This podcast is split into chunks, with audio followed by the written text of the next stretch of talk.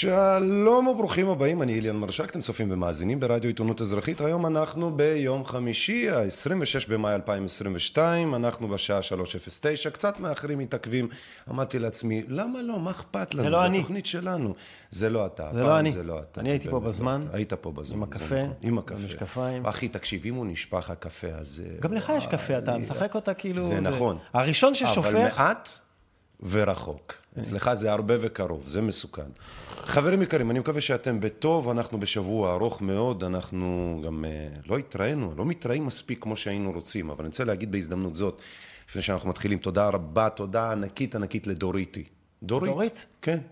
דורית מגיע לה את כל הקודוס שבעולם, באמת, על העבודה, על העשייה. אני מצדיע לך. אנחנו ביחד, כל הכבוד. תודה ענקית על העשייה, על העריכה של התוכנית, על הכישורים, תכנים, על הדוק.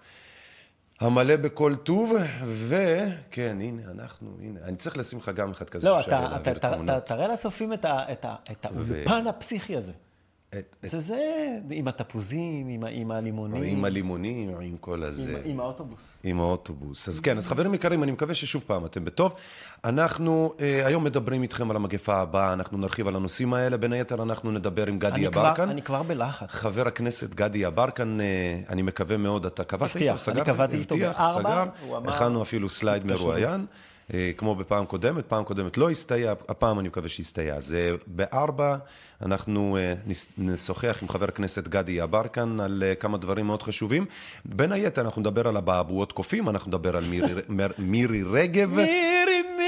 שזורקת עלינו קצוץ לגמרי, היא עוד אומרת את זה בפה מלא, אין שום בעיה זה מה לעשות... שיפה. אה, זה מה שיפה, שזה מה בפה שיפה מלא, בה. כן. זה- אה, דוך אין דוך. היא שוברת ד- את המימד השלישי. נדבר על מז'ר, מז'ר, משבר המזון העולמי. כן, הרי מגפות, כל מיני מגפות אה, בדרך, צריך לדבר על המשברים השונים. אז אה. כנראה לא יהיה לנו בגט בקרוב, או שהוא יהיה יבש, ואז נצטרך לייצר כל מיני ארוחות כאלו ואחרות. יש לנו גם אה, כמובן אה, את האורחים של התוכניות הקודמות שלנו, סליחה, של התוכניות האחרות שלנו, של ציפורי דרור, ביניהן אה, אורלי אלמוג, ערן בריל ועוד טובים ואחרים, סרטונים שלהם, אנחנו נקווה שנוכל, יש לנו הרבה היום סרטונים להראות, אני מקווה ש... זה תוכנית סרטונים. זה תוכנית, תוכנית, תוכנית סרטונים, אז זהו, אז אנחנו היום נדבר בעיקר שוב פעם על מה שהיה. אז כן, אז אבעבועות אה, הקוף אמרנו, על כל מיני ניירות טואלט שעוד רגע גונבים לנו, שלווקת חוגרת. נחמן אש מסביר לנו מה עומד מאחורי אבעבועות הקוף, שוב, ואנחנו נראה, לא, אולי לא יהיה לנו זמן לכל הדברים האלה. יהיה גם טריוויה. עוד קצת אה, סלמונלה וכאלה ואחרים, זה לא שכחנו ילדי תימן, אה, הפרשה מסתעפת ומזג האוויר קטלני לגמרי בעולם, חשוב לדבר על זה כי שוב אולי זה משעמם, אבל דווקא הפעם אה, אולי זה יהיה קצת יותר מעניין, ואני אומר את זה, במין זה בסגי נאור, ברור, כי מוות של אנשים, אולי זה דבר מעניין, אבל זה בטח שלא דבר אה, חיובי. כאמור, אתם מוזמנים לשתף ולהעביר הלאה את השידור הזה, אני רואה שבאמת אה, יוטיוב, תשים לב, אני רואה יוטיוב. איך אתה יודע שיוטיוב חוסמים אותנו? איך, איך? כאילו, אתה, איך אתה רואה שהם חוסמים את החשיפה, לא ממש... זה, זה לפי הכותרות, אם, החס, אם הכותרות קשורות במגפות או כל מיני כאלה והם לא אוהבים את זה, אז הם ישר אומרים לך את זה בפנים בזה שהם שמים לך... הם לא אומרים לאף אחד שיש שידור ויש רק איזה 40 אנשים שצופים, בעוד יש באתר שלנו, באתר יש הרבה יותר מזה. לא יודע, זה קצת מצחיק אותי כשיש באתר יותר מביוטיוב, אתה יודע שיוטיוב מנסים uh, לחסום. אבל היי, חברים יקרים, קיצור, יש לנו עוד הרבה מאוד על מה לדבר, אני אומר, אל תשים בכותרת פשוט. לא לשים בכותרת. תלמד. חשבתי, אבל אתה אתה לא- יודע, אני, אני לא מצנזר את עצמי בגלל בני הזונה האלה, אני לא. מצנזר את עצמי. למה שנצנזר את עצמנו? באמת, תגיד לי, אתה למה שנצנזר את אתה עצמנו? לא צריך לסנזר, אתה צריך להבין את חוקי המשחק. לא, אחי, לא.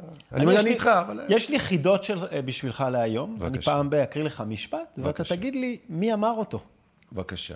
אתה רוצה דבר. שנתחיל כבר עכשיו? נו, יאללה. זה קל, יאללה. זה אחד הקלים. נו. אני מבקש מכל אחד מכם צריך לצאת זה חשוב. להתחסן. כשאתם לא מתחסנים, אתם מסכנים את עצמכם, אתם ממש מסכנים אנשים שסביבכם.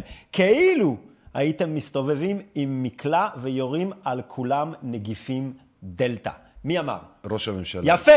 יש לך נקודה אחת, יהיו, אחת. יהיו עוד כאלה. קמצן. זה כדי שנתיים אחר כך לבוא קמצן. ולהגיד, איזה כן. אפסים הייתם, כן. ומתי אתם סוף סוף מתנצלים. יש לנו הכל רשום.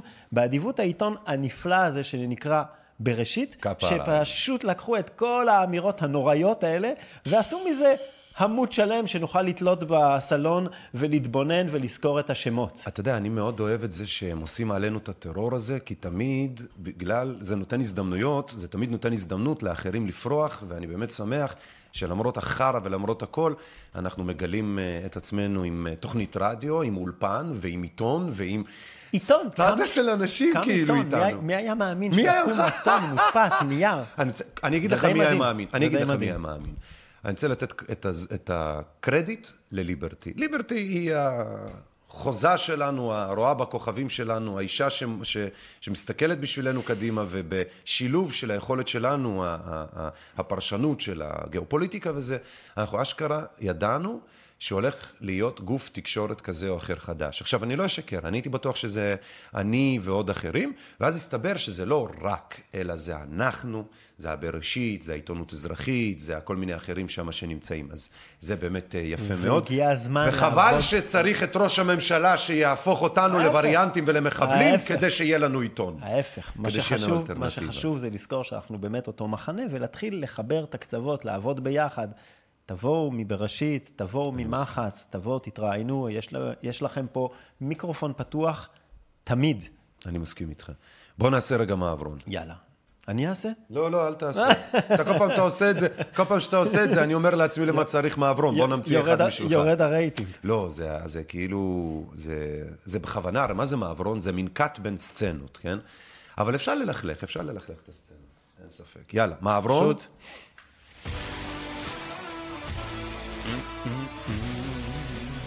אז כבר, חברים יקרים, אני רוצה שוב פעם להגיד תודה רבה לכל האנשים הטובים המצטרפים שנמצאים איתנו באתר בעיקר ולא ביוטיוב, אנחנו שמחים על זה, וזה מדהים אותנו, זה מדהים אותנו.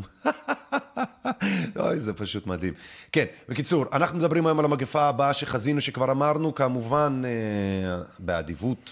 אנשים טובים אה, כמו דורית, כמו ליברטי ואחרים שעוזרים ומסייעים כמובן גם מהצד, שאמרו לנו ואומרים, והנה אני רוצה להגיד שכן, בקיץ, אה, שזה בעצם כבר עכשיו, אנחנו יוני, בואכה אה, יולי ואוגוסט, אנחנו למעשה, כפי שאמרנו, נמצאים בפתחו של גל סלש אה, משבר סלש המגפה הבאה, כאשר אנחנו אומרים את זה עם אה, סגי נאור, עם ציניות, שמים ברקע את הניירות טואלט כדי לצחוק על זה, לא כדי שתילחצו.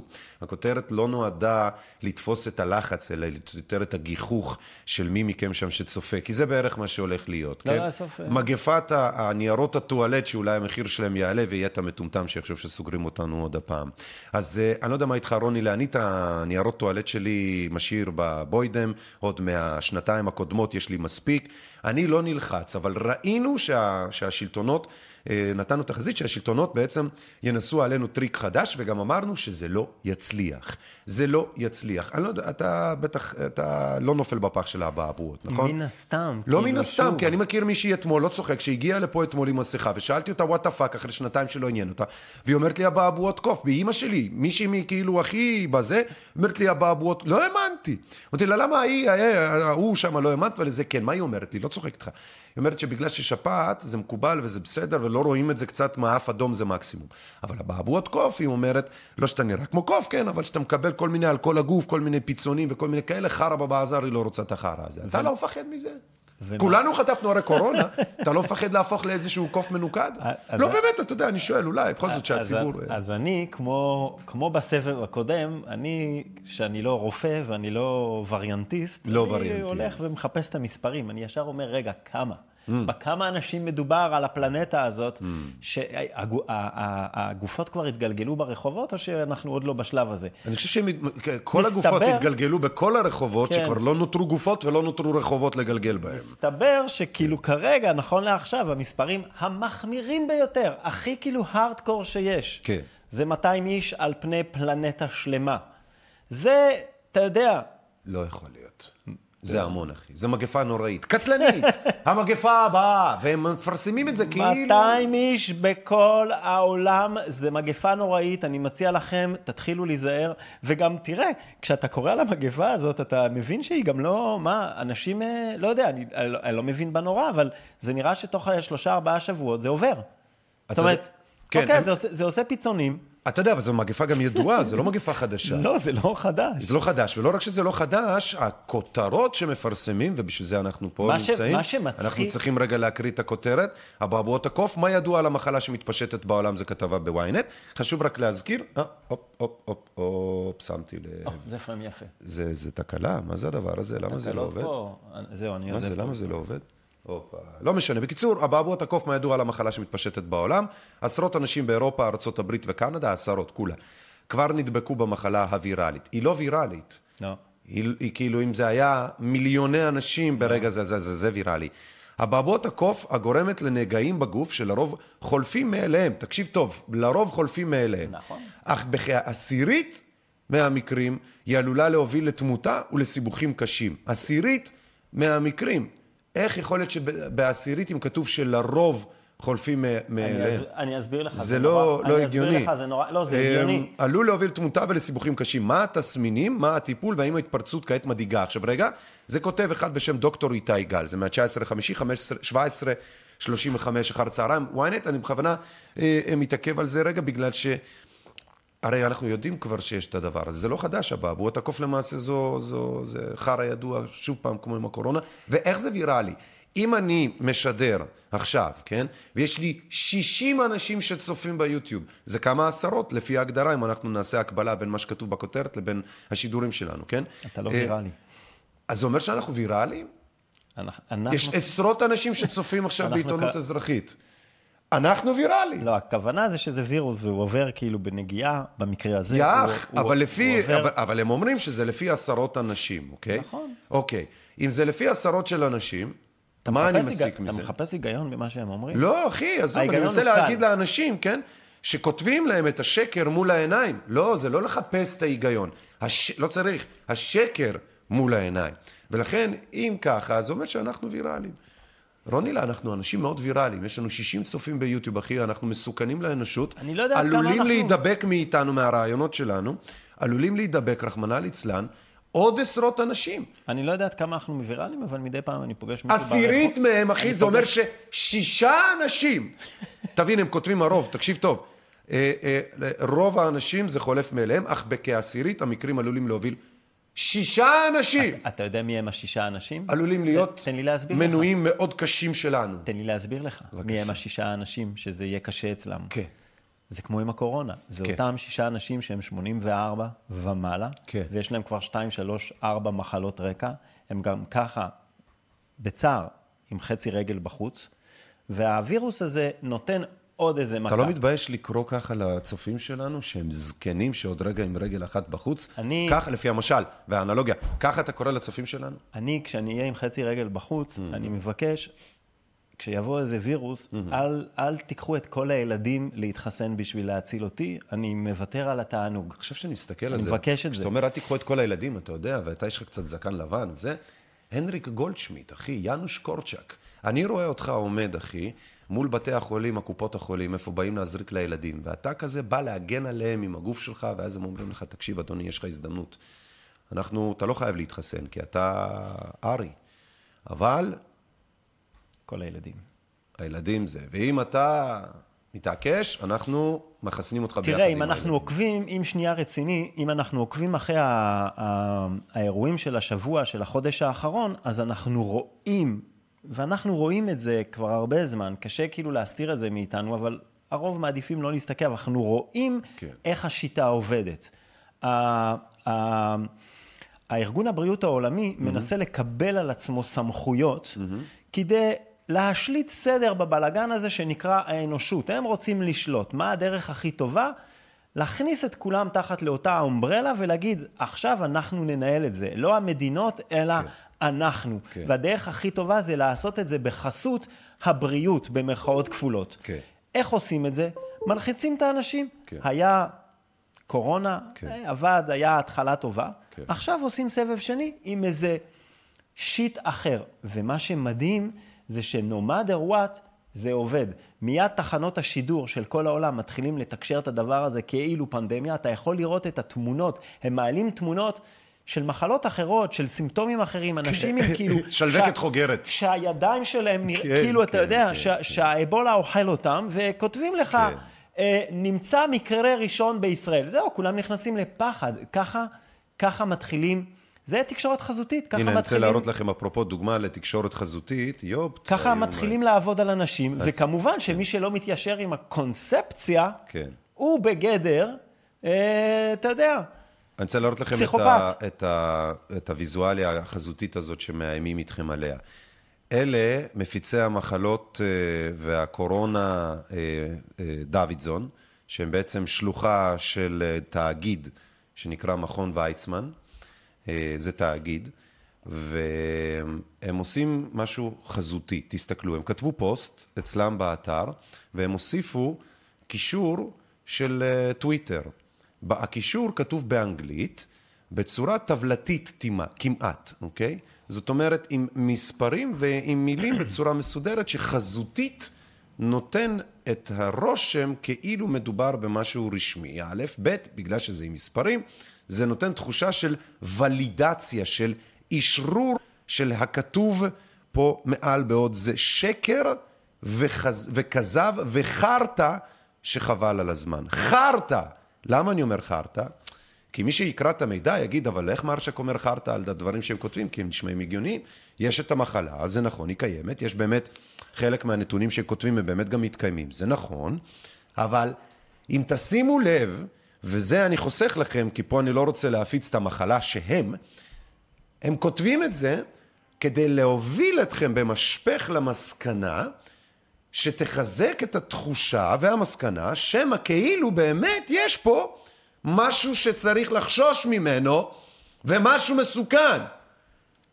וזה החיזוק החזותי הזה שאתה מדבר עליו עם הטוויטר המסריח הזה, כי הוא כתוב באנגלית. זה, זה, זה, עכשיו אין בו, אם תסתכלו, זה B&O News, who the fuck is B&O News? החזותי זה מה להיכנס- אכפת לי? והם כותבים מספרים, פורטוגל, 14 מאושרים, שישה חשודים כנשאים של הזה. אם אתה רוצה אנגליה, חזותי- תשעה מאושרים. אה, ספרד, קנדה, שוודיה, USA, הם כותבים לכם פה כאילו זה מעניין את התחת. זה מספרים כל כך זניחים, שזה כמו שכמו אמרתי את האנלוגיה מקודם, שאם מרשק, עם ה-60 צופים שלו, אם זה נחשב אצלם ויראלי, אז אני קורע עולמות ואני מיליונר. תנשום, רונילה. תנשום, תנשום. אני אומר, אם אתה רוצה חזותי, אני, מצ... אני מציע לצופים להיכנס ל-Our World in Data, העולם Our- שלנו, Our World. Our World in Data, העולם שלנו בדאטה, תיכנסו, אתם תראו מונקי פוקס. רגע, שלח לי, שלחת לי קישור?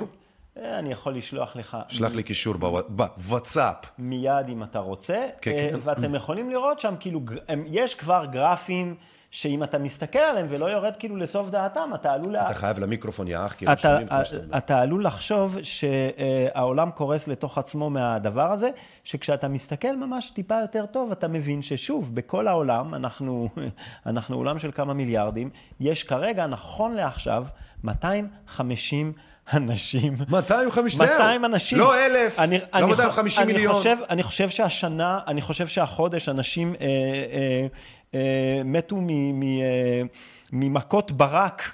יותר אנשים מהשטות ממכות ברק, הזאת. אשכרה. אבל בוא נדבר על זה כל היום, ומיד אנשים ייכנסו כאילו לזה, ומחר ארגון הבריאות העולמי יכריז על הדבר הזה כפנדמיה, מתוך הסמכויות שהוא קיבל מכל המדינות שחתמו על האמנה, כן. הוא יוכל להשליט עכשיו סדר. אתה מבין מה הולך פה? תכף נדבר עם גדי, שדיבר על גדי יברקן, חבר, חבר הכנסת גדי יברקן. ש, שהוא היחיד, שזה מדהים, שמתוך 120 חברי כנסת, זה היה רק הגרף. אחד כן.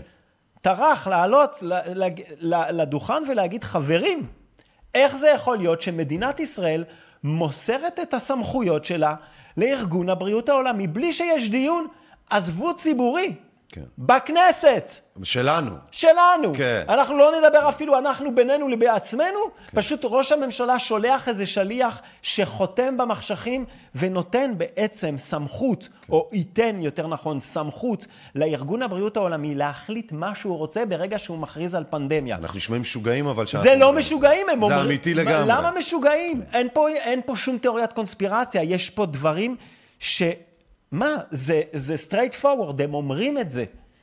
הם, כן, אני לא חושב ש... אני לא מדינות חושב כבר חתמו על ש... זה. אני לא חושב ש straight ו forward... הם אומרים את זה straight forward. אני לא חושב ששלושת המונחים straight forward וניצן הורוביץ, או straight forward ומשרד הבריאות הולכים ביחד. אה, משרד הבריאות לא, הם. הם מאוד לא straight forward. לא אגב, straight ולא forward. אני לא יודע אם עקבת, אבל השבוע, כן. לא, הם גאונים. כן. השבוע משרד הבריאות קיבל אה, פרס בינלאומי כן. על זה שה dashboard, ה dashboard, אותו dashboard שהיינו נכנסים עליו כל יום כדי כן. לראות איך... אתה היית נכנס. פייק. אני הייתי... וכ- מי היה נכנס? אליי? עשיתי סרטון נו, נו. שלם על איך הם כאילו מש- מחרטטים. מחרטטים בנתונים. כן. אז הם קיבלו, אז הם קיבלו פרס בינלאומי כן. על ה dashboard הכי יעיל בעולם. והם חילקו אותו לעצמם, והם מנהל כאילו... בתחת שלי. שמע, זה פשוט מדהים. פשוט מדהים. אין רגע, אין רגע כן. שהם עוצרים והם אומרים, וואו, כמה טעינו. ההפך, זה כל, בכל הכוח לתוך השקר. תשימו לב, עד כדי כך שמנהל Oh המכון God. הביולוגי לשעבר אומר שהוא נפגע, כן? זה הציטוט. נפגעתי גופנית מחיסון הקורונה, צריך ועדת חקירה. זה כתבה בישראל היום של אסף גולן, 19 בחמישי, 303 בצהריים. אה, פרופסור שמואל שפירא הודיע בפוסט בטוויטר כי יילחם עבור חשיפת האמת. במשרד הבריאות תקפו אותו, זו אינה הדרך לכסות על כישלונו הניהולי. מה שיפה פה, חברים יקרים, זה שמי שרצה עוד דוגמאות לכך שאתם צדקתם ולכך שבעצם זה, אנחנו צדקנו, בכך שהדברים האלה, אם היה והם כאלה חמורים כמו שאנחנו אומרים, זה יפגע גם באנשים מתוכם, וזה בדיוק מה שקורה כאן.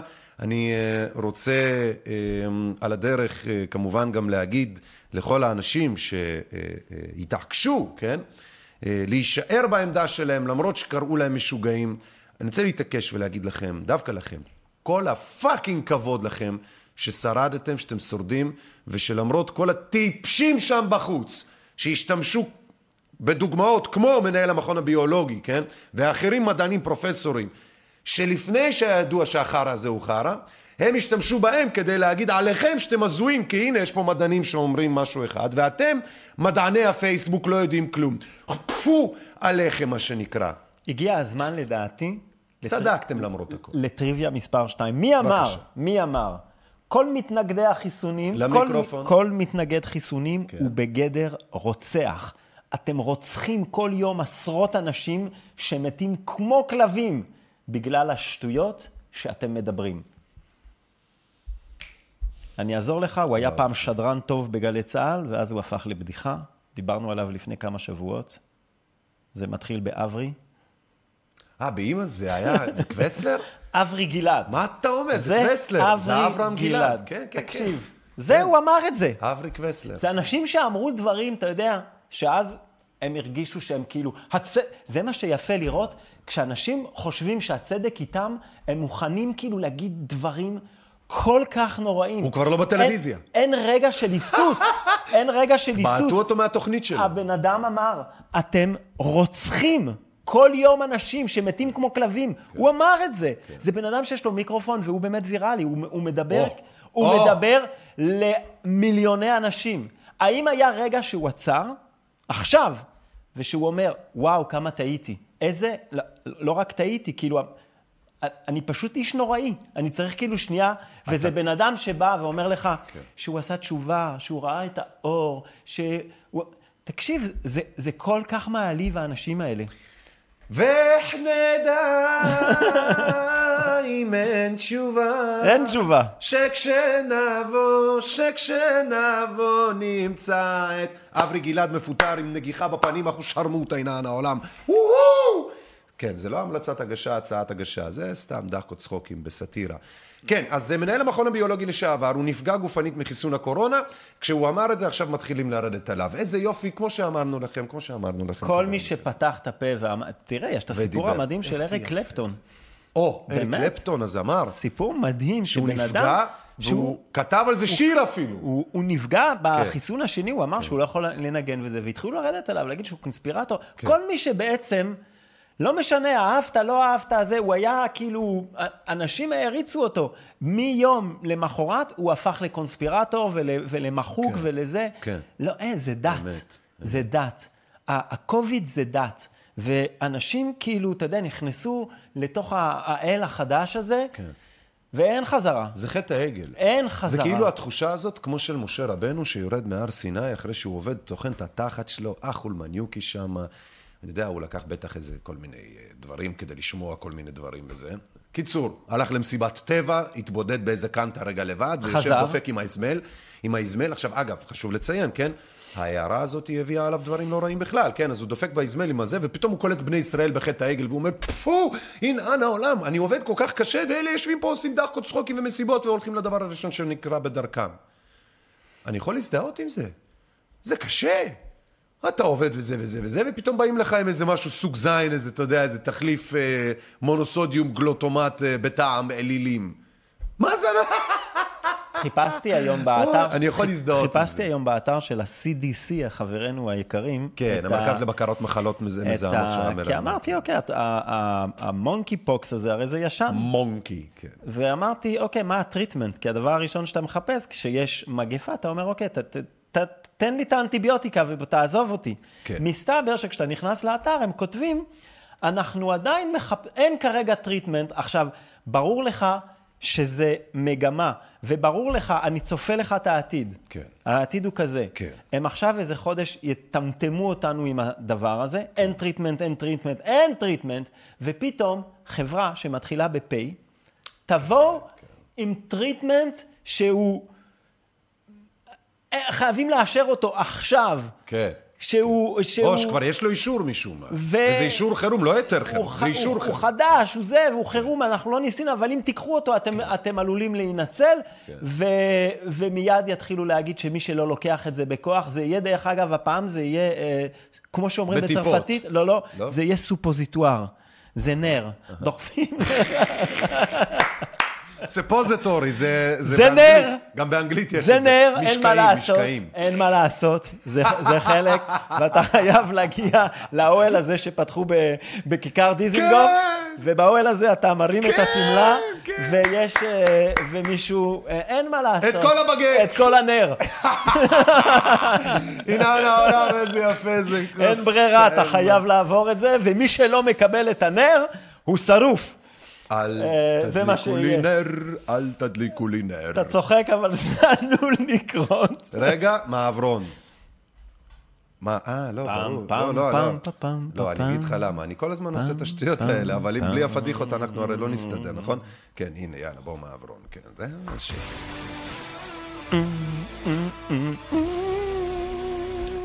חברים יקרים, אני מקווה שאתם משתפים, אני מקווה שאתם מגיבים באתר וביוטיוב, ואני מקווה מאוד שאתם עושים אצלנו מנוי באתר, ie2020.net. רגע, זה המגפה הבאה. תשתפו את ה live ביוטיוב. אם כל אחד ה live. מכם שרואה את זה באמת, עכשיו כן. עושה share לזה, כן. אנחנו ויראליים כמו ה monkeypox במינימום. אז ככה, אני רוצה. שתיכנסו לאתר שלנו, ie2020.net, שם יש בפנים את כל העניין של התמיכה, פלוס את הפעמון האדום מימין למטה להרשמה, לקבל התראות על שידורים לפני. זה התמיכה ש, שלכם בנו, אם תוכלו ותרצו, 054-264-9690 זה הביט, והפייבוקס 054-264-9690.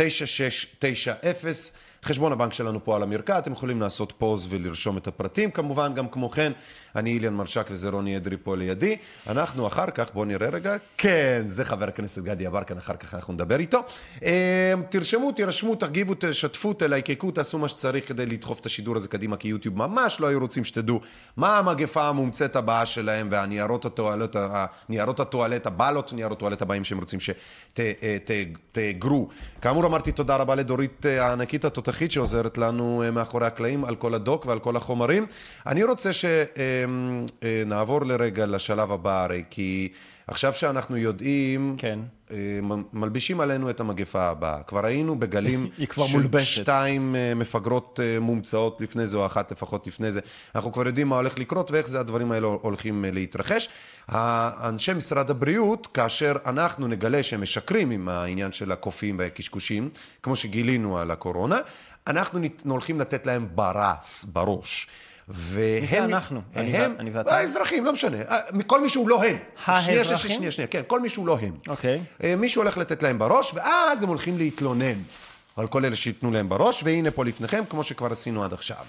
פרופסור אש, הגענו לקו האדום, הוא אומר. דוקטור אלרועי פרייס אומרת, מה המשטרה עושה? אני לא יודעת. פרופסור נחמן אש קרא להכריז על מצב חירום בעקבות האלימות בנהריה ובהדסה בבתי החולים. ואמר באולפן ynet כי יש להגדיל את נוכחות השוטרים בבתי החולים. עניין של זמן עד שיקרה משהו חמור. מחאות בבתי החולים ברחבי הארץ, דוקטור אלרועי פרייס אומרת, מאיימים על הילדים שלי, והמשטרה מצמידה לי מאבטח, אז די. עם מילים אחרות היא אומרת שהיא כאילו מוכיחה את זה שאכן יש אלימות נגד אנשי אה, רפואה, אה, בכך שכאילו מאיימים עליה ושיש לה הבטחה וזו העובדה שיש איומים אנשי הרפואה. זאת אומרת, היא, חוש, היא חושבת, כן, לעשות קשר בין הפשעים נגד האנושות שהיא מבצעת וביצעה, לבין דברים שלא אמורים לקרות בוודאי, שקורים בבתי החולים, שהם שונים בתכלית השינוי, תן לי- הנסיבות תן לי להסביר. והסיבות. תן לי להסביר לך תן מה לי היא עושה. להסביר, תן בבקשה. לי להסביר לך מה היא עושה, מה זה נורא עושה? קל. זה מעניין. אה, מה- למה זה- היא מקשרת בין זה- שני דברים זה שונים טריק- כדי זה להפוך את טריק- עצמה לקורבן זה יותר? טריק קל, כן. כי כשאתה רוצה כאילו אה, להימנע מלהגיב עניינית כן. על אה, טענה כלשהי, אז אתה מערבב עם כל מיני דברים אחרים. ספינוף, היא עושה ספינוף. אתה עושה לגמרי ספינוף, ואתה מערבב את הכל ואתה אומר, אה, תראו, אלימות. כן. עכשיו, נכון, יש בבתי חולים אלימות. למה? כי הבתי חולים, מאז, מאז מלחמת ה... מישועצמו, כן. קורסים פנימה. כן. למה? אתה מגיע ואין מי שיטפל בך, כי בכל המדינה הזאת יש שלושה בתי חולים, ארבע בתי חולים גדולים, וזהו. וחסרים כבר, על פי כל ההערכות, כבר שנים מדברים על זה, נכון. שני בתי חולים. לפחות. צריך לפחות, לפחות. אחד בצפון ולפחות עוד אחד בדרום. זה חובה, זה, מדברים על זה כולם. ב... בזמן שמבזבזים כסף על בדיקות ו- ועושים לנו אה, פרסומות לקוביד, אפשר היה לבנות שני בתי חולים בקלות. אמת, אבל מכל הכסף הזה, כן. אז אנשים מגיעים לבתי חולים והם בדרך כלל מאוד מאוד מאוד מתוסכלים, וזה יוצר שם חיכוך וזה יוצר שם אלימות. וזה עכשיו, לא הצדקה, אגב, סליחה. לא, לא, אני לא מצדיק, אבל זה שנייה. לא הצדקה מה שרוני אומר, אנחנו רק מסבירים את ה... אנחנו את- אנחנו תופעה, מסבירים את זו הקום- תופעה, זו תופעה אחת. אנחנו מסבירים את, ה, את הנוכלות של אלרועי זו פרייס תופעה ואת הערבוב של זו מה שהיא תופעה עושה. אחת. במקביל, במקום אחר ביבשה, כן. הקטנה שלנו, כן. יש כמה אנשים שסוגרים חשבון עם אלרועי פרייס על כל מה שקרה בשנתיים האחרונות. נכון. כל הקו ה- השקרי, הנבזי, כן. הנוראי שהיא הובילה. הם עושים את זה ב- בדרך היחידה והלגיטימית ביותר, שהיא, שהיא למחות מול הבית שלה. הם באים עם מגפון והם צועקים. כן. אין, אין, לא הרביצו לאף אחד, לא איימו על הילדים שלה, היא מחרטט, כל הדברים האלה הם בגדר שקר גס. ואין שום קשר. הכל היא מנסה מצולם, לקחת, אה, היא הכל מנסה לקחת מצולם את ה- כל הזמן. נכון, היא מנסה לקחת עוולות של סיפור אחר, להלביש על עצמה, כאילו היא הקורבן בתוך סיפור אחר ומה בכלל. שהיא עושה זה בדיוק את זה. היא אומרת, אתם רואים את האלימות של הבתי חולים? אתם רואים את אה, סעדי בן שטרית? כן. זה אותו דבר. כן. לא, זה לא. זה לא אותו אירוע, זה לא אותו דבר, וגם זאת לא אותה טענה. יש בעיות בבית חולים. את, בלי שום קשר, באים אלייך אנשים בטענות כן. על זה שבמשך שנתיים הכרחת את הילדים שלנו לעבור חיסונים שלא היו צריכים, אמת. בואי תצאי החוצה ותתנצלי, ואנחנו רוצים לדעת מי משלם את המחיר על כל תופעות הלוואי. אמת. אפשר לדבר על זה? היא מעדיפה לחרטט, והתקשורת מעדיף לשתף איתה פעולה, כי הם שיתפו פעולה עם הנזק. אז ברור שהם ייקחו צד בתוך הדבר הזה, והצד שלכם, שלהם הוא obvious. תשמע, אני רוצה להגיד, אני, Obvious. במאמר מוסגר, אני רוצה להגיד, אנשים אומרים הרבה פעמים, אנחנו יודעים שהדעות שלי ושלך שונות בהרבה מאוד דברים, כלומר... במה? לא, לא משנה, אנחנו שונות, לא היית גולנצ'יק. הכל ביחד. גולנצ'יק, לא הייתי, אבל נניח. ואנחנו, למרות זאת, בדברים מסוימים, או יותר נכון, בבסיס, רואים את הדברים עין בעין, וזה מה שחשוב שאנשים יזכרו, וזה מה שאני מאוד אוהב אצל רוני, שהוא יכול לקרוא לי קונספירטור ומגזימן, אבל את הבוטום ליין, את השורה התחתונה, יש דברים שאני אוהב, אני שזה אוהב לאמת אותך, שקוף. וזה נחמד, ואתה... זה בסדר, אנחנו... אני מבחינתי בדברים החשובים, תראה, אני שונא אתה כשכש- לא מאבד את עצמך. כשאלרועי פרייס אומרת, כן. הרי הטריק הקלאסי זה להגיד, תראו איזה אלימים, תראו את האלימות, אה, שמו לי מאבטח. את לא צריכה מאבטח, נכון. את סתם מחרטטת, אף אחד לא הרים עלייך יד, נכון. אף אחד לא... ואם כתבו לך בפייסבוק פה, שם, אחותי, comes with the territory. נכון. אני, שאני לא איש אה. ציבור, את יודעת כמה פעמים כותבים לי בפייסבוק, אה, תמות אתה וסע לעזה, ו... כן, לא, מה? ברור, ברור. זה חלק מהיום-יום של הפייסבוק. אחותי, לא, מה, את מתרגשת? כן. שלחת את הילדים שלנו לחיסוני כפייה, ואת מתרגשת שמישהו מקלל אותך בפייסבוק? זה מה שמרגש אותך? ולזה את צריכה מאבטח?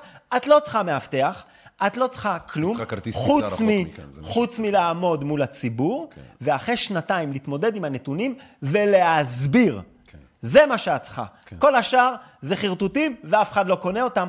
תראה, מה שנורא זה שבשנתיים האלה מה שקרס זה האמון בכל מערכת ציבורית. כן. אנשים כמוני, כמוך, היום, אתה יודע, מחר תבוא באמת מגפה נוראית, באמת יהיו פה, יהיו אבולה. אנחנו לא פשוט לא. נאמין להם. נכון. אנחנו הפסקנו להאמין להם, וזה נורא. אין מישהו שם שאתה אומר, מה שהוא אומר זה דברי טעם, צריך להאמין לזה, צריך להיזהר. כן. הם הקריסו את המערכת. אמת. הם שרפו אני הכל. רוצה שאנחנו ניקח דוגמה, ואתה מנחית לי פה הנחתה לדוגמה הבאה. אה, תראו, הנושא הבא הוא לא נושא פשוט בכלל. אנחנו מדברים אה, הרבה, כמו שאמרת עכשיו, על אובדן האמון במערכות הבריאות ובשלטונות, שבאמת, שבואו נלך את זה רגע מהצד השני. האמון שנתנו, ואין לנו ברירה, כמו ילד שחייב לתת אמון בהורים שלו כדי לשרוד, לחיות, לאכול, לשתות ולזה. ככה גם אנחנו. אבל באיזשהו שלב, גם אולי כמו עם הורים, אתה מגיע להבנה שההורים שלך הם לא בדיוק הדבר הקדוש והנכון והצודק ביותר. פרשת ילדי תימן, החטופים וילדי הבלקן החטופים של שנות ה-40, 50 ואילך. שני קברים אותרו מתחת למצבת התינוק עוזיאל חורי.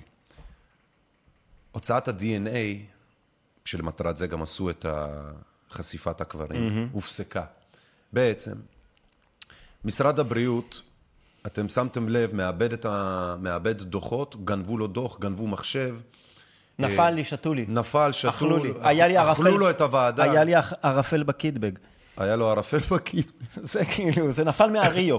ככה היו אומרים לי בגדוד. לא נפל מהריו. אנחנו צוחקים, אבל בעצם על מה אנחנו מדברים פה על אחת הטרגדיות שהן גם בינלאומיות מהבחינה הזו, שסחר בילדים הוא דבר שמתהווה ומתרחש גם נכון להיום. ופה במקרה הזה, ילדי תימן והבלקן של שנות ה-50 וה-40, מדינת ישראל בעצם גנבה, חטפה, סרסרה, ועשתה מסחרה בילדים של משפחות ושל אנשים שהיה קל להונות ולשקר אותם כדי להשיג, להשיג את המטרה הזו בדיוק. ובמקרה הזה, ההורים, כי יש רבים, אי אפשר, שקר אין רגליים, בואו, כן, אתה לא יכול לשקר לכולם כל הזמן. ההורים גילו את הדבר, ורק עכשיו משרד הבריאות בשנים האחרונות מודה שלא רק שנכונים הם הדברים, אלא עד כמה הם נכונים. ועכשיו בתהליך מנסים להוציא כל מיני תינוקות וילדים ועוד כל מיני כאלה בשביל לעשות בדיקות DNA. ופה כותרת של אה, עוד הפעם אה, ynet, סיון חילאי, 23 למאי. שני קברים אותרו מתחת למצבת התינוק עוזיאל חורי, אחרי שעות של עבודה זהירה בבית העלמין סגולה בפתח תקווה, אותרו שני קברים צמודים תחת מצבתו של התינוק שמשפחתו המתינה להוצאת שרידיו. ייתכן שמיקום המצבות לא היה מדויק. אהה, understatement. וכעת ההליך יעבור לבית המשפט כדי לקבל את הסכמת המשפחה של הקבור הנוסף. הפואנטה פה לומר היא זה שבית ה... סליחה, משרד הבריאות, כמו עם הקורונה, כמו עם המגפת ה... זה, כמו עם הפוליו, כמו עם דברים אחרים, כמו עם הילדים עם תימן והזה והחטופים, הם לא רק משקרים, הם אשכרה אחראים באופן היסטורי, אך גם בהווה, לפשעים נגד האנושות, נקודה בעצם. וזה ניכר על כל כותרת, על כל כותרת גם שמנסה להבין what the fuck. רוני, יש לך מזל, תאמין לי שאתה לא תימני ושאתה בסך הכל אלג'יראי, צרפוקאי, שאפילו הצרפתים אמרו, נו, אתה יודע מה, יאללה. לא רוצים, אבל תביא אותם לצרפת. מה אתה אומר? סליחה שאני מחרבן עליך ככה במרכאות. אני כן. מבקש אה, לכבד את... במין בבדיחות הדעת, לומר כאילו, הצרפתיות באיזשהו מקום, שבי. יש לנו מזל שגם אנחנו, למרות היותנו אה, סמי שחורים, כן? אנחנו לא סובלים מהדבר הזה כמו של הילדים. אתה, אתה מתאר לעצמך שהילד שלך, שאשתך יולדת, ובא אליך המיילד, כמו שאתה סיפרת בתוכנית סיפרתי הקודמת, לך שבוע עליך שעבר אתה איך הגנת אני- עליהם. אבל אתה, אני, אני מנסה לתאר לעצמי איך באמת שבאים כאילו, ו, ופשוט באים והם חרבנים, כי אתה שחור, אתה לא מבין כלום, יהיה בסדר גברת. תראה. מה זה הדבר הזה? הנושא הזה, ד- אפילו שהם דיברנו מתים לא עליו. נותנים רספקט, דיב- סליחה שאני דיברנו עליו, כן. וזה, אתה יודע, כאילו, הדבר הזה קרה, ועכשיו, אתה יודע, אפשר גם, אפשר לדבר גם על, על הקורונה, גם זה קרה. הדברים האלה קרו, זאת אומרת, הנזק כבר נעשה. יודע שאתה, כן, היה קצת קר פה. קצת, הנזק הזה, הנזק הזה כבר קרה. עכשיו, באמת, כדי לבנות מדינה, כדי לבנות מערכת, כדי לבנות חברה, אתה צריך קודם כל אמון. כן. וה, והמערכת לא משדרת שבשום רגע כדאי לי להאמין בה. היא כל הז... אני כל הזמן ברגל של הם משקרים לי, כן. הם עובדים עליי, הם דופקים אותי, ואני איכשהו כאילו כלוא בתוך הקירות האלה שהם בונים לי. ובשום רגע הם לא, כאילו זה חוסר הבנה מוחלט של הסיטואציה. אין רגע שהם עוצרים והם אומרים, אוקיי, איך מתקנים את הנזק? הרי מה אתם רוצים כמערכת? משקרים יותר. אתם רוצים שאני אשלח את הילד שלי לצבא שלכם בסוף? אתם רוצים שאני אשלם מיסים? אתם צריכים עוד אזרח טוב, או שאתם צריכים עבד? אם ש- כן. אתם רוצים אותי כאזרח, ובמדינה קטנה כמו מדינת ישראל, שדורשת מהאזרחים שלה המון ויתורים. הרי אם היית חי עכשיו בצרפת או באנגליה, החיים שלך היו הרבה יותר טובים. אתה היית עובד פחות שעות, מקבל משכורת יותר גבוהה, מקבל את שירותים מה, מה, מהמדינה. אני מרגיש את הצורך יותר- להתנצל בשם שנייה. כל מי שהוא לא תימני על מה שקרה להם. היית מקבל שלי. שירותים יותר גבוהים, והחיים שלך היו יחסית יותר קל. פה יותר קשה, אנחנו חיים בתא שטח שקשה. כן. אבל מה מחבר בינינו? מה גורם לי ולך ולעוד כמה לשבת בתא שטח הזה? ברמת העיקרון, יש לנו איזה פרויקט משותף, שקוראים לו מדינת ישראל. כן. החלום הציוני, תקרא לו איך שתקרא לו. כן. וברגע שהדבר הזה קורס, כי אני לא מאמין לו יותר, כמי שמנהל את החלום הזה, פשוט כל הזמן מחרבן עליי, משתין עליי, גונב אותי. ראינו את מירי רגב השבוע, ילדי תימן, הקורונה, כל הזמן. אז אני אומר, מה אני עושה פה? כל אזרח מתחיל לשאול את עצמו בשלב כן, מסוים, כן. מה אני עושה פה? על מה אני מקריב? מה אני מקבל בתמורה? בוא נראה, אחינו גוזזים פאות, רודפים, ומב... אחינו גוזזים פאות, רודפים ומבזים אותנו. נחשף מכתב של עולי תימן לבן גוריון, זה היה ציטוט. בגולה נרדפנו על ידי גויים, הוא ממשיך וכותב, וכאן נרדפים על ידי אחינו בני הגזע שלנו. כתב הרב שלום יצהרי מהפעילים הבולטים במעברת ראש העין דאז. לראש הממשלה הראשון דוד בן גוריון. הקשר בין השניים נשמר, וכעבור שנים כתב לו בן גוריון, תקשיב טוב, השבט התימני הוא אחד מפלאי ההיסטוריה היהודית. המכתבים שנחשפים כאן ועומדים למכירה פומבית, שופכים אור היסטורי על היחסים המורכבים וייסורי הקליטה. ייסורי קליטה? תגיד, יש לי שאלה. כשהביאו את השחורים, חטפו אותם מאפריקה והביאו אותם לעבדות בקובה, בספרד, אמריקה, במלא מקומות, הם קראו לזה ייסורי קליטה? כאילו מה, אני, אני מנסה, לה... מה זה הדבר? זה שואה, זה כמו לכתוב ייסורי קליטה באושוויץ ליהודים. ככה אני רואה את זה. תראה, זה לקחו הקט- זה תימנים הקטעים כדי שאני לא בעצם מסכים להעביד איתך. אותם. אוקיי. להפוך אותם לעבדים. לא. לא. ככה אני זאת- מאמין. זאת, זאת לא הייתה המטרה. נו תשמע, אני, אני, אני בוחן לפי התוצאות. זאת לא הייתה המטרה. בבקשה. המטרה הייתה דמוגרפית נטו. הייתה להביא לפה כמה שיותר נפשות, בשר תותחים, אחי. זה נפשות בשר... אבל לא הבנתי מה ההבדל בין עבדים לבשר. תותחים, יאללה. עשו... יש הבדל קטן. למה? כי באחד אתה סוחר, אתה אשכרה כאילו מביא אותו לעבוד ולה... וזה, ואתה מתנהג בו. סוחר, אני. מדבר איתך על עבדים שאתה לא שואל אותו, שאתה מביא אותו בגלל שאתה אומר, הנה אתה מסכן פה, בוא תהיה אצלי קצת מסכן פחות. מדינת ישראל עשתה את זה בשלוש פאזות. גם עם הרוסים, גם עם האתיופים, גם עם התימנים. כי בעצם כל גל, כל גל של כן. עלייה, אתה יכול להסתכל עליו כגל של תביא לי עוד בשר תותחים, אני צריך דמוגרפית, אני צריך לגדול טיפה, כי יש לי פה הרבה אויבים ואנחנו לא מספיק אנשים. הבעיה זה שבכל אחד מהשלבים האלה, היא... עשתה את הטעות הנוראית של לא לדאוג באמת לקליטה. יש משרד... יאח, היית, היית ואתה- פעם בתל אביב במשרד הקליטה? אתה רק חייב לבוא לתל אביב, תהיה בעדינות עם השאלות של המשרד קליטה, כי אני בטוח שהייתי. אתה חייב רק לראות את הסניף של משרד הקליטה. משרד שאתה אומר, זה משרד גדול במדינת ישראל. אחי, ליד המשרד הקליטה בתל אביב, כן. שנמצא ליד כיכר דיזינגוף, יש ויקטורי. יש כזה מכולת. נכון. הכניסה למכולת יותר גדולה. יותר מה- גדולה ומפוארת מהכניסה לפאקינג משרד, אתה לא מוצא את זה. משרד ההגירה אתה מדבר עליו, זה משהו אחר. זה לא, זה לא, כי אנשים שבאים... מדבר באברבנל בתל אביב. לא, לא, אני מדבר על uh, המשרד ה... סלמה? לא, לא, uh, כיכר דיזינגוף. ממש ליד אה, כיכר דיזינגוף יש, מס... יש את ה... אה, הבנתי, כי מצחיק, יש גם ויקטורי ליד משרד ההגירה כן, על סלם. אחי, אתה בא לשם, עכשיו מגיעים לשם עולים חדשים, הגיעו עכשיו, עושים עלייה, רוצים לקבל את התעודה, זה- הם לא... אבל אתה מוכיח את מה שאני אומר, רק אתה כאילו לא... למה? אתה לא מעז לקרוא לזה בכוונה, אתה אומר זה בטעות. אתה אומר המדינה עשה טעות. אני אומר זה בכוונה. לא, אני לא אומר היא עושה... אני, אני אני אומר, שהיא היא- בכוונה הביאה ט- לכאן היא עשתה אנשים. טעות כי היא יכלה על הדרך, תראה, הדרך הכי אבל טובה... איך אתה יכול- איך? הדרך הכי טובה שיהיו לך חיילים טובים בסוף, אתה רוצה. אתה רוצה בשר תותחים, אתה רוצה אזרחים טובים, אתה אוקיי. רוצה אנשים שילכו לצבא וזה. אוקיי. תן להם איזה תקווה, תן להם משהו. כמה זה כבר יעלה לך? תן... לא למה חושב לחרבן על כולם? אבל בן גוריון מבחינתו, כשהוא הביא את השחורים האלה, כי ככה הוא הסתכל עליהם לכאן, מבחינתו זה הטובה שהוא עשה להם. עכשיו, מפה, כשאתם פה, סתמו את הפה, גזרו פאות, נחטוף אתכם, נסחור בכם. מבחינתו ככה הוא ראה, לדעתי. זה הזלזול, אתה קורא לזה טעות, אני קורא לזה כוונה מכוונת. של גזענים, פשוטים, שבתקופתו זה היה מאוד מקובל. בסדר, כן, אני מסכים חושב- איתך. אני... אוקיי. בסדר.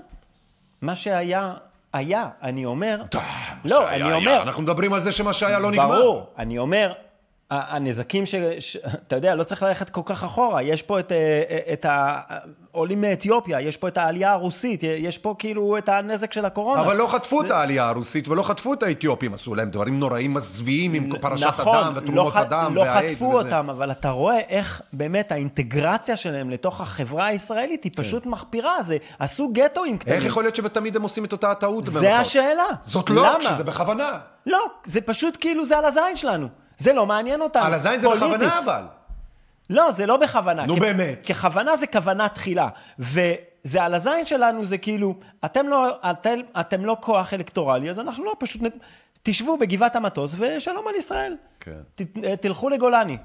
טוב, אז אנחנו מסכימים חצי להסכים. חצי. העובדה הזאת שבאמת החבר'ה התימנים כתבו והתחננו שהתנהגו אליהם יותר טוב, זו עובדה.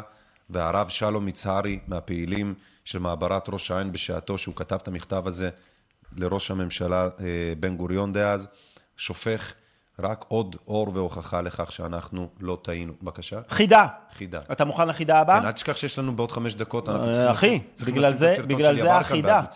מחבלי חיסונים, מפצ... מפיצי הפייק, חשוב לי לתת לכם בוקס בעין.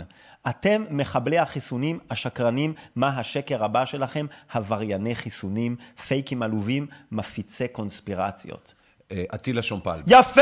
כן? יפה! יאללה, שלי. יש לך פה שתיים מתוך שלוש, אתה שולט. אחי, אני מכיר את ה... אחי, זה קלאסיקה. מכיר את ה... כן, זה קלאסיקה! זה קלאסיקה, בן אדם. הבן אדם, הבן אדם. צ'אושסקו לא יצא ממנו. אחי, אתה זה... יכול לצאת מצ'אושסקו, אז צ'אושסקו לא יצא זה ממך. מדהים איך בן אדם שחווה על בשרו, ועוד כותב את זה. הפרד ומשול, שחווה ברומניה. מה היא, אה, מהו פשיזם, בא ונותן טקסט כזה בפריים טיים, בטלוויזיה, במיקרופון שנתנו לו הציבור, ולא מתנצל. לא מתנצל. תתנצל, תגיד טעיתי, אני עברתי את הגבול, אני הייתי מחומם, פחדתי, לא יודע, השתלט עליי הרוע, אבל באותו רגע פחדתי למות ממחלה נוראית, אבל עכשיו, שנתיים אחר כך, אני מתנצל, אמרתי דברים שלא הייתי... ת, תהיה גבר. תהיה גבר. אני חושב ש... אמ, אני חושב שאחרי אה, שנתיים... למה אנחנו צועקים כל הזמן? אני לא יודע. אני... אני, אנחנו צריכים להפסיק לצעוק. רגע, על מי דיברת עכשיו? לא, אני, אני, אני כל, אני... על מי דיברת על עכשיו? עצמי. לא, על עצמי, לא, מקודם, על מי דיברת עכשיו? על אה, אטילה. על אטילה. את, נכון, התבלבלתי רגע. אטילה שומפלבי, אחי, יש לו טעם, יש לו סגנון מאוד... אה, אירופאי. זה, כן. יש ברומנית אה, משפט שתמיד אה, היו אומרים לי כשהיו מתעצבנים עליי, הפועלים, עבדתי בבניין כשהייתי צעיר, והיה בא תמיד איזה פועל רומני, והיה אומר לי כל פעם שמתעצבן בבוקר עליי או משהו, סוץ' פולאץ' קוגורה. ככה היה בא ואומר לי, "זה, אני לא אתרגם את זה, פה זה מאוד גס וזה. אז אני רוצה מכל הלב, מהפועל ההוא לפועל לפועל שומפלבי, לפועל הלאומי, שומפלבי, מכל הלב, אח שלי, מה שהוא אמר אליך. אני רוצה שאנחנו נראה, אמ, קטע קצר. כן, של אה, גדי יברקן, אתמול בכנסת. אתמול בכנסת, זה נכון. גדי יברקן... אתה תמצא את הלינק ואני אספר אה, כמה מילים. בעצם גדי אתמול עלה לכנסת ונתן, אה, ושאל בעצם את החברים במליאה, למה אנחנו לא דנים בעניין הזה של, אה, אה, זה לא פה. אה, דוריטי, זה לא בתוך הקובץ, נשמה שלי. של מסירת ה... אתה יכול למצוא את זה בפייסבוק אם אתה רוצה. כן, אני יודע, אני אעשה את זה. אמ, אתה יכול להיכנס ל... אה, אני אגיד... מה, איפה זה היה אתמול? בכנסת, בערוץ הכנסת. אז בעצם מה שקרה זה שהוא עלה... לא, אחי, אני לא אמצא את זה ככה. גדי יברקן, ערוץ הכנסת, אוקיי, שיר, תעשה שיר אדלר. בפ... יש לך פייסבוק פה פתוח? לא, אין לי פייסבוק. ג'יזוס קרייסט. אתה יודע שאין לי פייסבוק, אחי, כולם יודעים זה. שאין לי פייסבוק. אני גם לא אעשה פייסבוק, זה די ברור. רגע, גדי יברקן, שיר אדלר. לא, אתם עושים כמו אוסטריה, 27 בדצמבר. לא, לא, לא, לא. רק לא, חסר לא. מחנות ריכוז. אתה, רוצה לחבר את- המחשב שלי? אה, איפה ה... בבקשה, פה. לא. כן, תחבר. אנחנו מתחילים לדבר עם עצמנו בזמן שהצופים... אני, אה, הנה, אני הנה לא החיבור. יכול, כי אין לי את הכבל פה בזמין. הכבל פה הוא קצר, הוא ממש קצר. בכוונה גם. אה, אוקיי, אתה יודע מה? מה, עזוב. תשלח לי קישור, יא אח, בוואטסאפ. הקישור הוא לפייסבוק. לא משנה, שלח לי קישור לפייסבוק. זה לא שאין לי פייסבוק, זה לא... אני פשוט לא יכול אה, לחפש. אין- לי- מנוי לחפש, אבל אפשר... שלחתי. לך בוואטסאפ שלחת לי קישור. בוואטסאפ. תחפש, כתוב התוכנית, פייסבוק. בקיצור, אתם יכולים לראות שם את אה, גדי מדבר מול המליאה ומסביר בעצם, או שואל יותר נכון. לי בוואטסאפ, כן. כן. תחפש, בשעה 12 שלחתי לך. אה, ובעצם- בשעה 12. ובעצם שואל את החברים במליאה, למה אנחנו מוסרים, או על, על סמך מה אנחנו נחתום על האמנה הזאת שמוסרת את הזכויות של מדינת ישראל אה, לארגון הבריאות העולמי. מה שמדהים זה, ה- זה התגובה של, אה, של קריב, שבעצם הוא גלעד היה... קריב. גלעד קריב, שהוא היה אחראי אה, ל, ל, לוועדת הקורונה. זה, זה, זה מעניין נורא לראות את התגובה שלו, כי הוא לבד שם, הרי בעצם המליאה ריקה ורק הוא שם, כאילו הוא ידע שהוא יצטרך להגיב לדבר הזה. וכמובן, בדרכו נראה. המאוד רומסנית, זה, זה מרתק, בבקשה, בוא כן, רגע תקרין שנייה, את זה. אני רק אסגור את כל המפיצי המחלות, שכדי שלא יקפצו עליי. אה, זה, אוקיי, בוא נראה. אוקיי, יש לנו, כן, בוא נגדיר את זה. הגרוע ביותר שהממשלה הזו עשתה בעיניי, שומעים? יפה, בדיוק. זה דבר שאני הולך לדבר עליו עכשיו, גברתי היושבת ראש, וזה ממשלת השמאל, וזה כבר נושא אחר, גברתי, ממשלת השמאל של מרצ והעבודה. יש עתיד. עשו הרבה דברים גרועים בממשלה הזו. אבל מה שאני הולך לדבר עליו כרגע זה אולי הגרוע שבהם שעשתה הממשלה הזאת, של מפלגת השמאל. את זה אנחנו חייבים למנוע כולנו ביחד. שר הבריאות, יושב ראש מרצ, מפלגה המתחזה למען זכויות האדם, מובילה את מדינת ישראל לחתום על אמנה שעלולה לפגוע בפרטיות של כל אזרחי ישראל. הגרוע מכל בעיניי כחבר כנסת זה ששר הבריאות הורוביץ הולך להעביר את סמכויות הכנסת לארגון הבריאות העולמי שהתורמים הגדולים שלו הם תאגידי בריאות, קרנות של מיליארדרים, מדינות בעלי עניין בשליטה וכוח, למשל סין וארצות הברית. הכל נעשה במחשכים, ללא דיון ציבורי, ללא תקשורת וללא שום דיון בנושא במליאה. מפלגת זכויות האדם מרצ והעומד בראשה של שר הבריאות ניצן הורוביץ מובילים את ישראל לוותר על ריבוניתה בזמן מגפה או חשש לאירוע. ישראל עשויה, עשויה לחתום על אמנה בינלאומית שתעביר אחריות לטיפול במגפות לארגון הבריאות העולמי. מה על הפרק? טכניקות של סחיטה באיום על כל מדינה שתצטרף לזה. בימים האלה, אדוני, לא אמרתי חתמה, עלולה לחתום. אתה, אתה כל יום משקר את אזרחי המדינה בוועדה שלך בנוכחות שלי. לך אולי יש זכות לדבר, אבל לא להמשיך לשקר את, את, את הציבור הזה. אז לא נוח לך, אתה יכול לצאת מהמליאה. אתה חושב שאתה צודק כהרגלך, תמשיך לדבר. אפשר להשמיע דברי אמת, לא כל הזמן פייק, כמו שאתה מדבר בוועדה שלך. בימים הללו ארגון הבריאות העולמי מקיים התכנסות השנתית ה-75 בג'נבה. שים שים עין על הכביש, עזוב את הטלפון. כן. חבר הכנסת גדי יברקן, אנחנו רוצים להגיד לך אחר צהריים טובים. ברוך הבא לתוכנית שלנו, מה שלומך? היי גדי. אחר הצהריים טובים, ערב טוב, תודה רבה. תשמע, אנחנו בדיוק עכשיו פה אה, צפינו ב... בעצם בשיחה, ב... לא בשיחה, בנאום בנאום שלך, שלך אתמול. בכנסת אתמול, על הדברים שמשרד הבריאות רוצה להעביר את הסמכויות שלו. אה, בעצם לאו"ם, או לאיזשהם ארגונים של ארגון הבריאות העולמי, שהם יחליטו בשבילנו על מה טוב לנו למדינת ישראל מבחינה בריאותית, אה, במגפות או בכאלה, ומה לא. תן לנו את השתי סנט שלך בנושא. לא, קודם כל משרד הבריאות, זה לא שמשרד הבריאות רוצה להעביר את הסמכויות, אלא יש אמנה שהאו"ם, אה, סליחה, שמשרד הבריאות העולמי מבקש ממדינות להצטרף אליה. זה לא משרד הבריאות הישראלי יזם. כן, אבל הוא אה, מבקש, הוא מבקש מזה, זה נשמע יותר כמו איום עם נשק מאשר בקשה אמיתית, אבל סליחה, בוא תמשיך.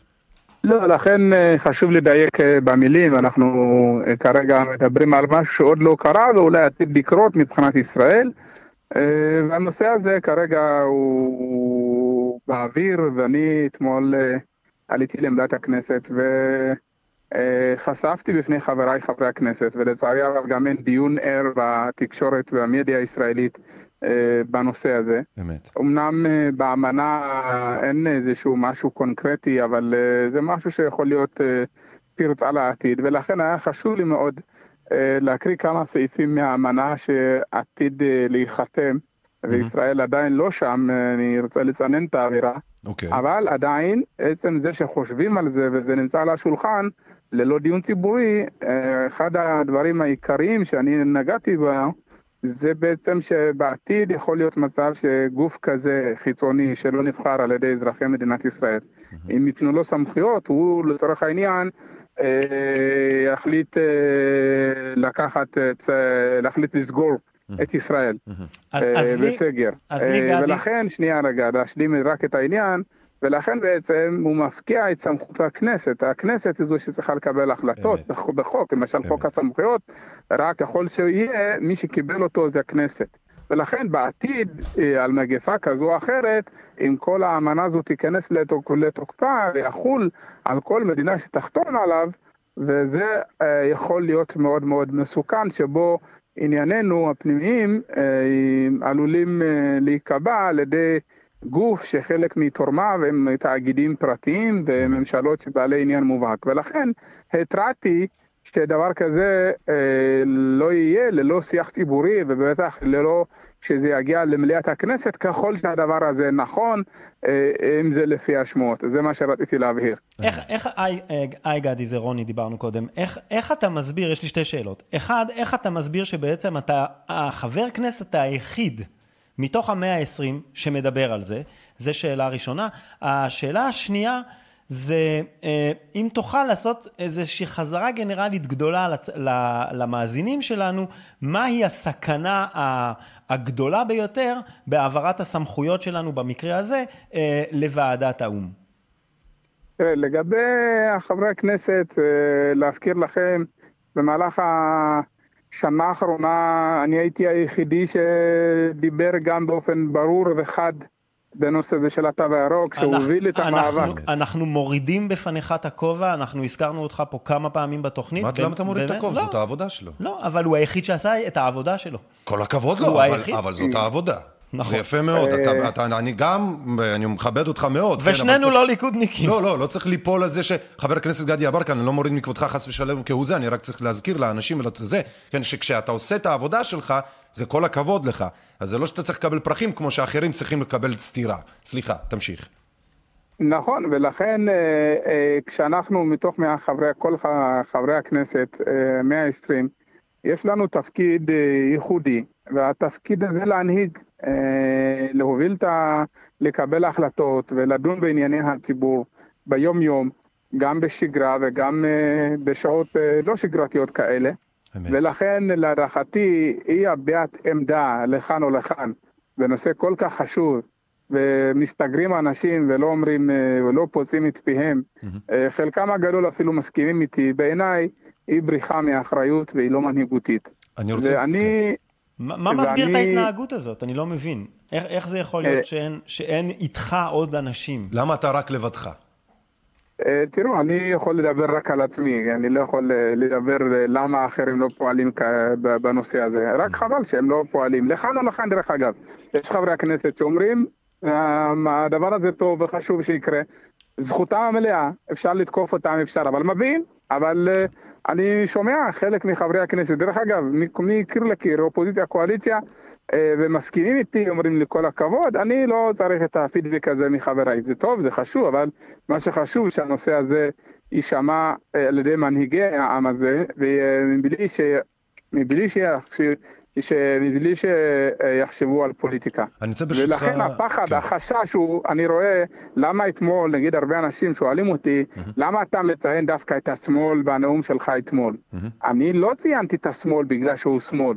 אלא אני ציינתי את מרצ, מפלגת העבודה. כאלה מפלגות שחרטו על דגלם, או יותר נכון, מת- מתויגות בציבוריות הישראלית, בפוליטיקה הישראלית, כשוחרי זכויות האדם וייהרג בל יעבור.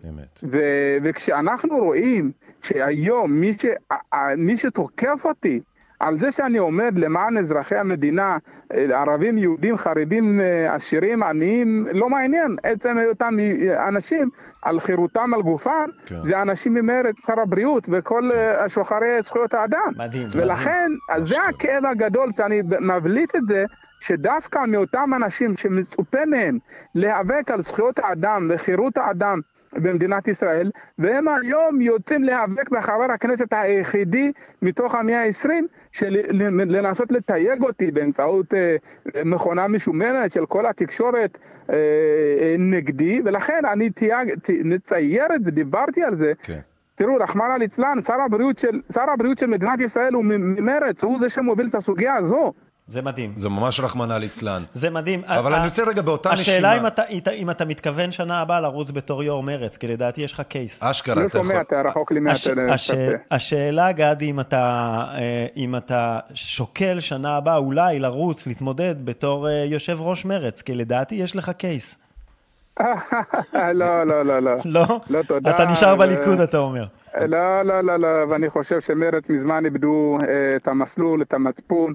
אני לא חושב, אה, אתם יודעים מה, זה נושא כל כך חשוב, שאני לא רוצה לדבר על, אה, עליו פוליטית, אה, אוקיי, ולא רוצה- רוצה אני- לה- להביע עמדה. אני רוצה כן... ולכן אני מעדיף לשמור על ענייניות בסוגיה הכל כך חשובה הזו, שדווקא אה, היום אה, כן במרץ מסוגלים אה, לאיים על פירוק הממשלה, על פינוי חומש, לא חומש, חלקם אפילו רוצים לעלות עם דניינים כדי להרוס, להרוס אותם, אבל אה, כשזכויות הפרט, זכויות האדם וזכויות האישה על גופה אה, מופקר כרגע ואף אחד מהם לא מוצא פיו, אז זה אומר שדרשני, ולצערי הרב אני מוצא את עצמי לבד אה, להיאבק בנושא הזה, אבל אני אולי בודד בכנסת, אבל אני מאמין שיש מיליונים שחושבים בקו הזה, וזה לא עניין פוליטי של שמאל וימין, כי השמאל והימין שהכרנו באותה, הכרנו אותו אה, בעבר, הוא כבר לא רלוונטי לעידן שלנו אמת, היום, אמת. שמי לגמרי. שנפגע היום הוא גם מהשמאל, הוא גם מן הימין, אמת. אה, ולכן הכיתוב של שמאל וימין בסוגיה הזו בעיניי הוא לא רלוונטי, ולכן אני לא מכניס את הפוליטיקה במאבק הזה. חבר הכנסת גבי ירקן, אני רוצה רגע לשאול אותך שאלה אחת חשובה. אה, בתור, אה, אתה יודע, אני גדלתי, באתי לארץ מברית המועצות, אה, ישר לעלייה ביחד עם בני העדה האתיופית שעלו בתחילת שנות התשעים. אתמול מלאו לנו 32 שנה. או, גואדניה, גואדניה, גואדניה, חבר יקר. מזל טוב. אני בדיוק כאילו בא לומר, אני רוצה את, ה, את השתי המילים שלך, את הדעה שלך, על ה... תראה, אנחנו בתקופה מיוחדת, אנחנו מציינים 32 שנים לעלייה ההיא, שגם אתם וגם אנחנו עלינו בה, וזו עלייה גדולה מאוד, מרגשת מאוד, לכאן ולכאן. והייתי רוצה ממך, ב- לאור החשיפות עכשיו של ילדי תימן החטופים, וההבנה שגם לבני העדה האתיופית הקליטה אה, במדינת ישראל וההתייחסות השלטונית אה, המאוד מבזה, בין אם בפרשת אה, תרומות הדם בשעתו ובין אם בעוד מן הסתם התייחסות של המשטרה כלפי בני העדה האתיופית בהפגנות בצורה מאוד אלימה, כמו שהיו פה בכיכר רבין לפני כארבע שנים. את דעתך, כי אנחנו חושפים ורואים היום יותר ויותר שהשלטונות באמת, אפס לא בדיוק אה, היו פה טלית אה, שכולה תכלת. תחבר לי את הדברים. קודם כל אני חייב להגיד שהיו עליות, כל עלייה היא מרגשת בפני עצמה, וכל יהודי שעולה, הן כקבוצה והן כיחיד, אני חושב שזו תקופה מרגשת עבורנו, עבור כל עם ישראל. גם פליטים, אגב, גם אם חיים- הם לא יודעים כפליטים הם באים, גם, גם. אה, נכון, אני מדבר על העלייה כיהודים אה, באופן אה, אה, מסורתי, כמדינה יהודית, ושאנחנו עושים. דבר מאוד מאוד מרגש.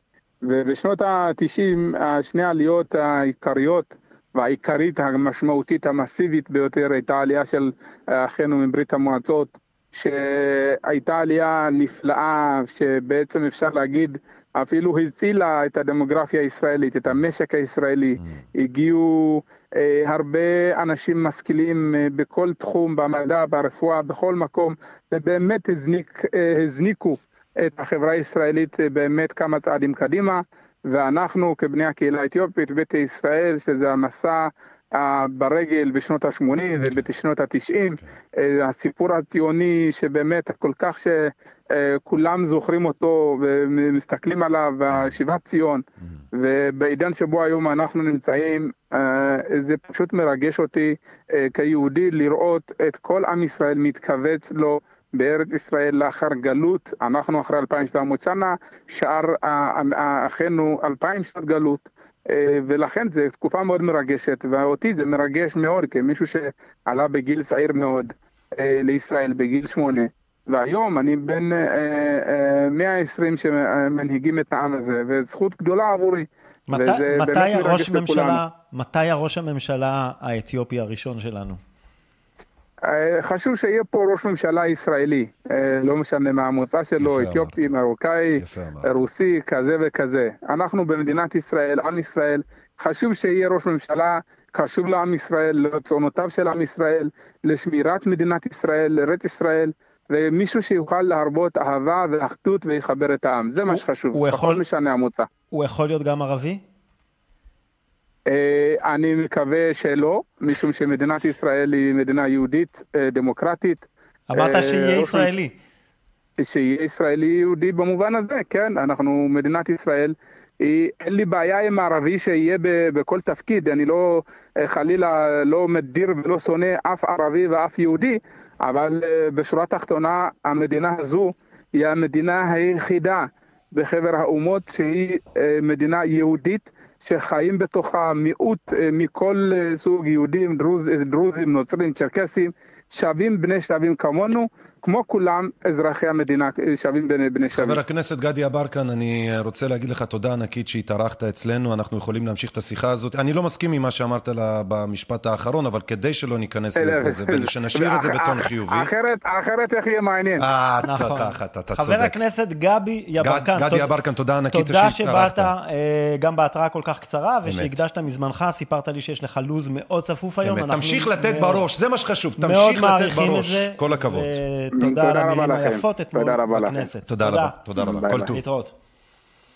מעניין, זה, מעניין זה, מאוד. זה היה מדהים, זה היה מדהים. אני, תראה, אני, אני קצת אה, חושב שבסוף אפשר היה לחתוך את החלק הסופי בלי להיכנס מעניין. לפינות האלה. עד שיש לנו חבר אבל כנסת, מצד שני, וואלה, זו דעתו. אלה הם אמונותיו. הוא גם- הוא גם מאוד, אין אה, מושלמים, אני לא בא להסביר אותו, להצדיק אותו. אני רק חושב שאי אפשר לדרוש שכולם ידעו, יחשבו, יהיו איתך בהכל באותה מחשבה. תראה, הוא מאוד straight forward. מאוד straight forward. הוא במקרה. שלו אפשר לומר את זה, זה נכון. הוא גם, אה, אתה יודע, הוא פוליטיקאי, הוא מנסה להציג את התמונה אמת, היפה, אמת, והוא ענה יפה, אמת. אבל שוב, מה שיפה זה שמתוך ה-120 חברי כנסת, בואו נגיד את זה שוב, הוא היחיד שבמשך כמעט, היה איזה רגע שהיה, איך קוראים לו, את... אה, המצרי הזה, איך קוראים לו? איתן כבל? לא. גבוה כזה. אבירם, אה, אה, נכון, אה, אבידר, אלי אבידר. נכון. נכון, אבירם, אלי אבידר. סתם, אחי, עזוב אותך. לא משנה. אז היה איזה רגע שגם הוא, אבל באמת, גדי יברקן, לאורך כל התקופה, היה היחיד שבאמת דיבר קול אחר. זאת אומרת, הוא היה ברג, בקטע של, רגע, רגע, מה זאת אומרת כפיית חיסונים? מה זאת אומרת אה, תו ירוק? מה זאת אומרת אה, לא מכניסים אנשים לאקדמיה? יש פה זכויות אזרח, וזה מדהים, זה באמת מדהים, שבן אדם שהוא מהליכוד, שהוא לא, כן. זאת לא המפלגה הכי שחרתה, כמו שהוא אומר, שחרתה על דגליה את זכויות האזרח. כן. הוא, גם, הוא, גם מטיף, הוא גם מטיח להם את זה בפנים, כן. הוא אומר, אתם המפלגה עם הדגל של זכויות האזרח וזכויות האדם, כן. הנה, אנחנו רואים את הפרצוף האמיתי שלכם, כן. ואני מהליכוד נלחם את המלחמה שלכם, מה יש לכם להגיד את זה? כן. זה מעניין. אני מאוד אה, רוצה שוב להגיד תודה רבה לך, רוני, על שסידרת את הריאיון הזה, ואני רוצה להגיד תודה רבה שוב פעם לחבר הכנסת גדי יברקן, ואני רוצה גם בהזדמנות זו, במאמר מוסגר, לומר שוב פעם, כן, מזל טוב, ברוכים הבאים לכל העולים החדשים, לפני 32 שנה, אנחנו חוגגים, מציינים את זה אתמול, או שלשום ציינו את זה, ושוב, אני רוצה להגיד uh, לעצמי ולכל האנשים הטובים שהגיעו לכאן, ברוכים הבאים. תודה, אני פה 33 שנה, דרך אגב. 33 שנה? אני, עלי, אני עליתי ב-89. אני ב-89 הייתי בדיוק בשערים עם כל הסידורים של כל הפספורטים וזה. ואני עוד לא התרגלתי ללכת בקיץ בלי גרביים. אני עוד לא התרגלתי שיש, שאמריקאים הם חברים ושאפשר לו להגיד מילים באנגלית בלי להיכנס לכלא כתוצאה מזה. הלו. כן, שלום לכם. מעברון.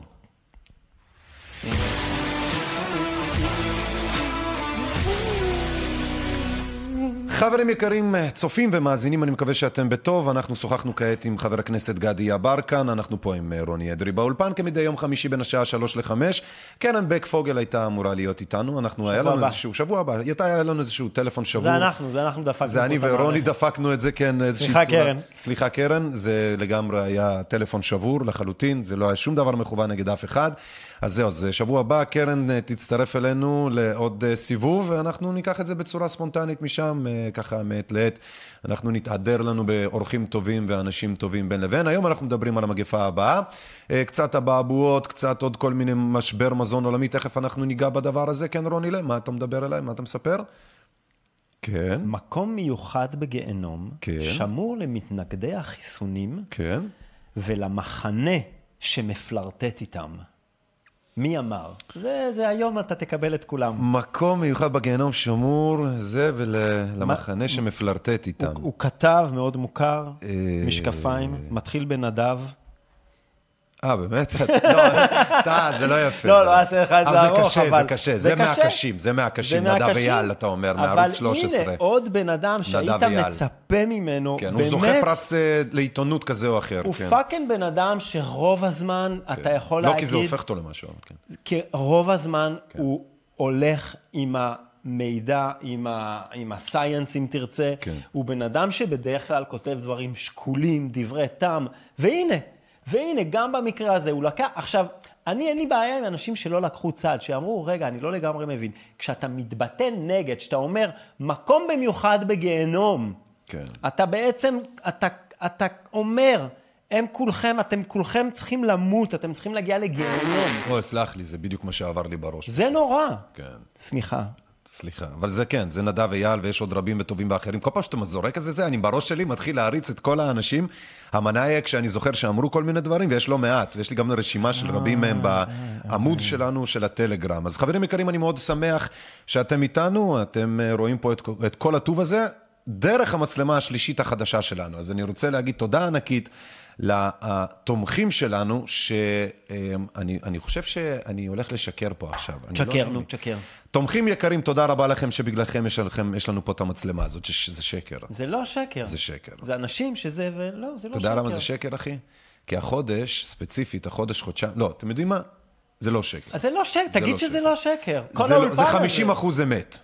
זה לא מעניין, אתה לא, תעבור כי, הלאה. כי, כי, כי, כי החודש התפרנסתי, באמת, הלכתי, עבדתי קשה מאוד, ועובדה גם זה לא, לא שידרתי. יפה, יפה. וזה נתן לי בוסט כלכלי, שבאמת אפשר לי ללכת ולקנות את הזה. אתה לא אני- עושה את זה אני- נכון. אתה לא עושה את זה נכון. אני גרוע. יש אתה לי. לא עושה את זה גרוע. נכון. סליחה, רוני, קח את תעזור. תראו. חברים, כל האולפן הזה, כל היופי הזה, וזה שאיליאן רכש השבוע עוד מצלמה, כדי שתוכלו נכון. לראות את זה מכל הכיוונים, זה בגללכם. זה בגלל שאתם תומכים ועוזרים ושם ומאזינים, וכשאתם עושים share ו subscribe ו like, אתם לנו נותנים את התחושה שזה שווה להמשיך. זאת ואנחנו, אמת. אין לנו בעיה אמת. לשים כסף מהכיס, לבוא אמת. לפה כל שבוע, להשקיע בעוד מצלמה. אמת. אם אתם רוצים להיות שותפים בכסף, אשכרה, תיכנסו לאתר, תיכנסו שימו לתמיכה, כמה גרושים, שימו יש כמה ביט, גרושים. ובכלל, השידורים האלה ייראו יעזור. מיליון יש דולר. פה את הביט שלנו, 054264969690. ככה עושים את זה.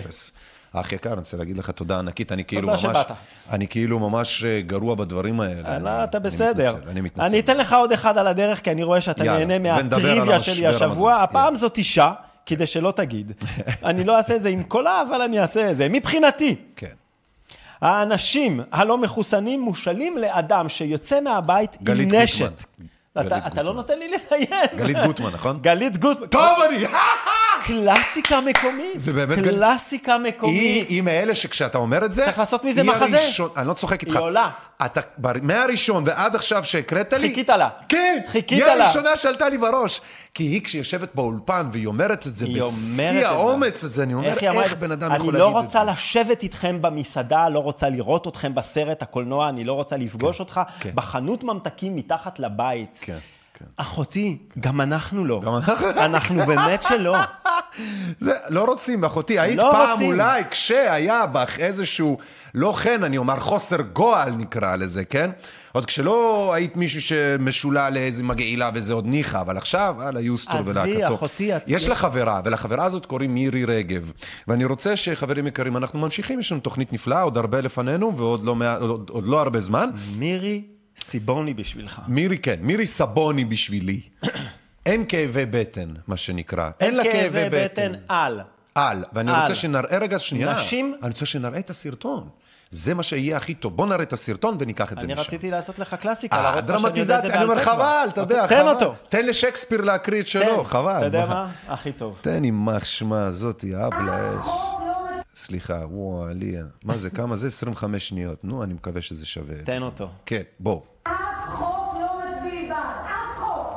החלטנו שאנחנו אופוזיציה לוחמת, ואנחנו רוצים להביא את הממשלה הזאת, אז אין כאבי בטן עם נכים, ואין כאבי בטן עם מקרי אונס, ואין כאבי בטן עם- עם אה, נשים מוכות, ואין כאבי בטן עם חיילים, כי כולם מבינים שזה הרציונל. אני בחרתי על בנות יתומים פריפריה, מיליון ואחד נכים, חולים, קשישים, ניצולי שואה, כל דבר. תראה, מה שיפה זה שסוף סוף יש לנו הקלטה של סוף מה סוף. הם אומרים בינם לבין עצמם. היא אומרת את זה בקול רם. וגם הבן זונה זה, סליחה על הבוטות, יובל שטייניץ. למה הוא מחרבן על. הניצולי שואה, שלוש פעמים הם הזכירו את זה במשפט. היא אומרת, בעצם, שלא יהיו לכם עכשיו נקיפות מצפון על זה שמישהי עברה אונס, או חיילים, או אה, נשים מוכות, או... שלא, זאת לא הפואנטה. הפואנטה זה שאנחנו רוצים להפיל את הממשלה. למה? כי אנחנו רוצים את השלטון. למה? כדי להיות בשלטון. פעם היית יכול לחשוב שהשלטון הוא אמצעי כן. לתקן את החברה. כן. ה- מבחינתה, והיא אומרת את זה straight forward, העיתון, השלטון הוא המטרה. וכדי להגיע לשלטון שלאף אחד לא יהיה פה כאב בטן על שום דבר, אנחנו בעצם לא מצביעים בעד החיילים, זה מה שהיא אומרת. הרי כל הדבר הזה התחיל מהתוכנית כוס של הלימודים לחיילים, והיא אומרת שלא תבוא לי פה אוי, אנחנו נעזור לחיילים. לא, אתם לא תעזרו לחיילים, כי הלוחמים, אנחנו, עבר כי אנחנו חוק- באים להפיל את השלטון. עבר חוק שנותן, רצו להעביר חוק שנותן מלגה ללימודים, מלגה מלאה של ארבע שנים ללימודים אקדמיים למי שהיה לוחם בצבא ההגנה לישראל. אתה, אני ואחרים. עכשיו, החוק הזה, בני גנץ, שהוא שר הביטחון ועוד כל מיני כאלה, אה, הוא שר, לא, לא, לא הוא שר, הוא שר הביטחון, אני כבר לא עזוב זוכר. אותי ממנו. כן? אני, לא, לא משנה.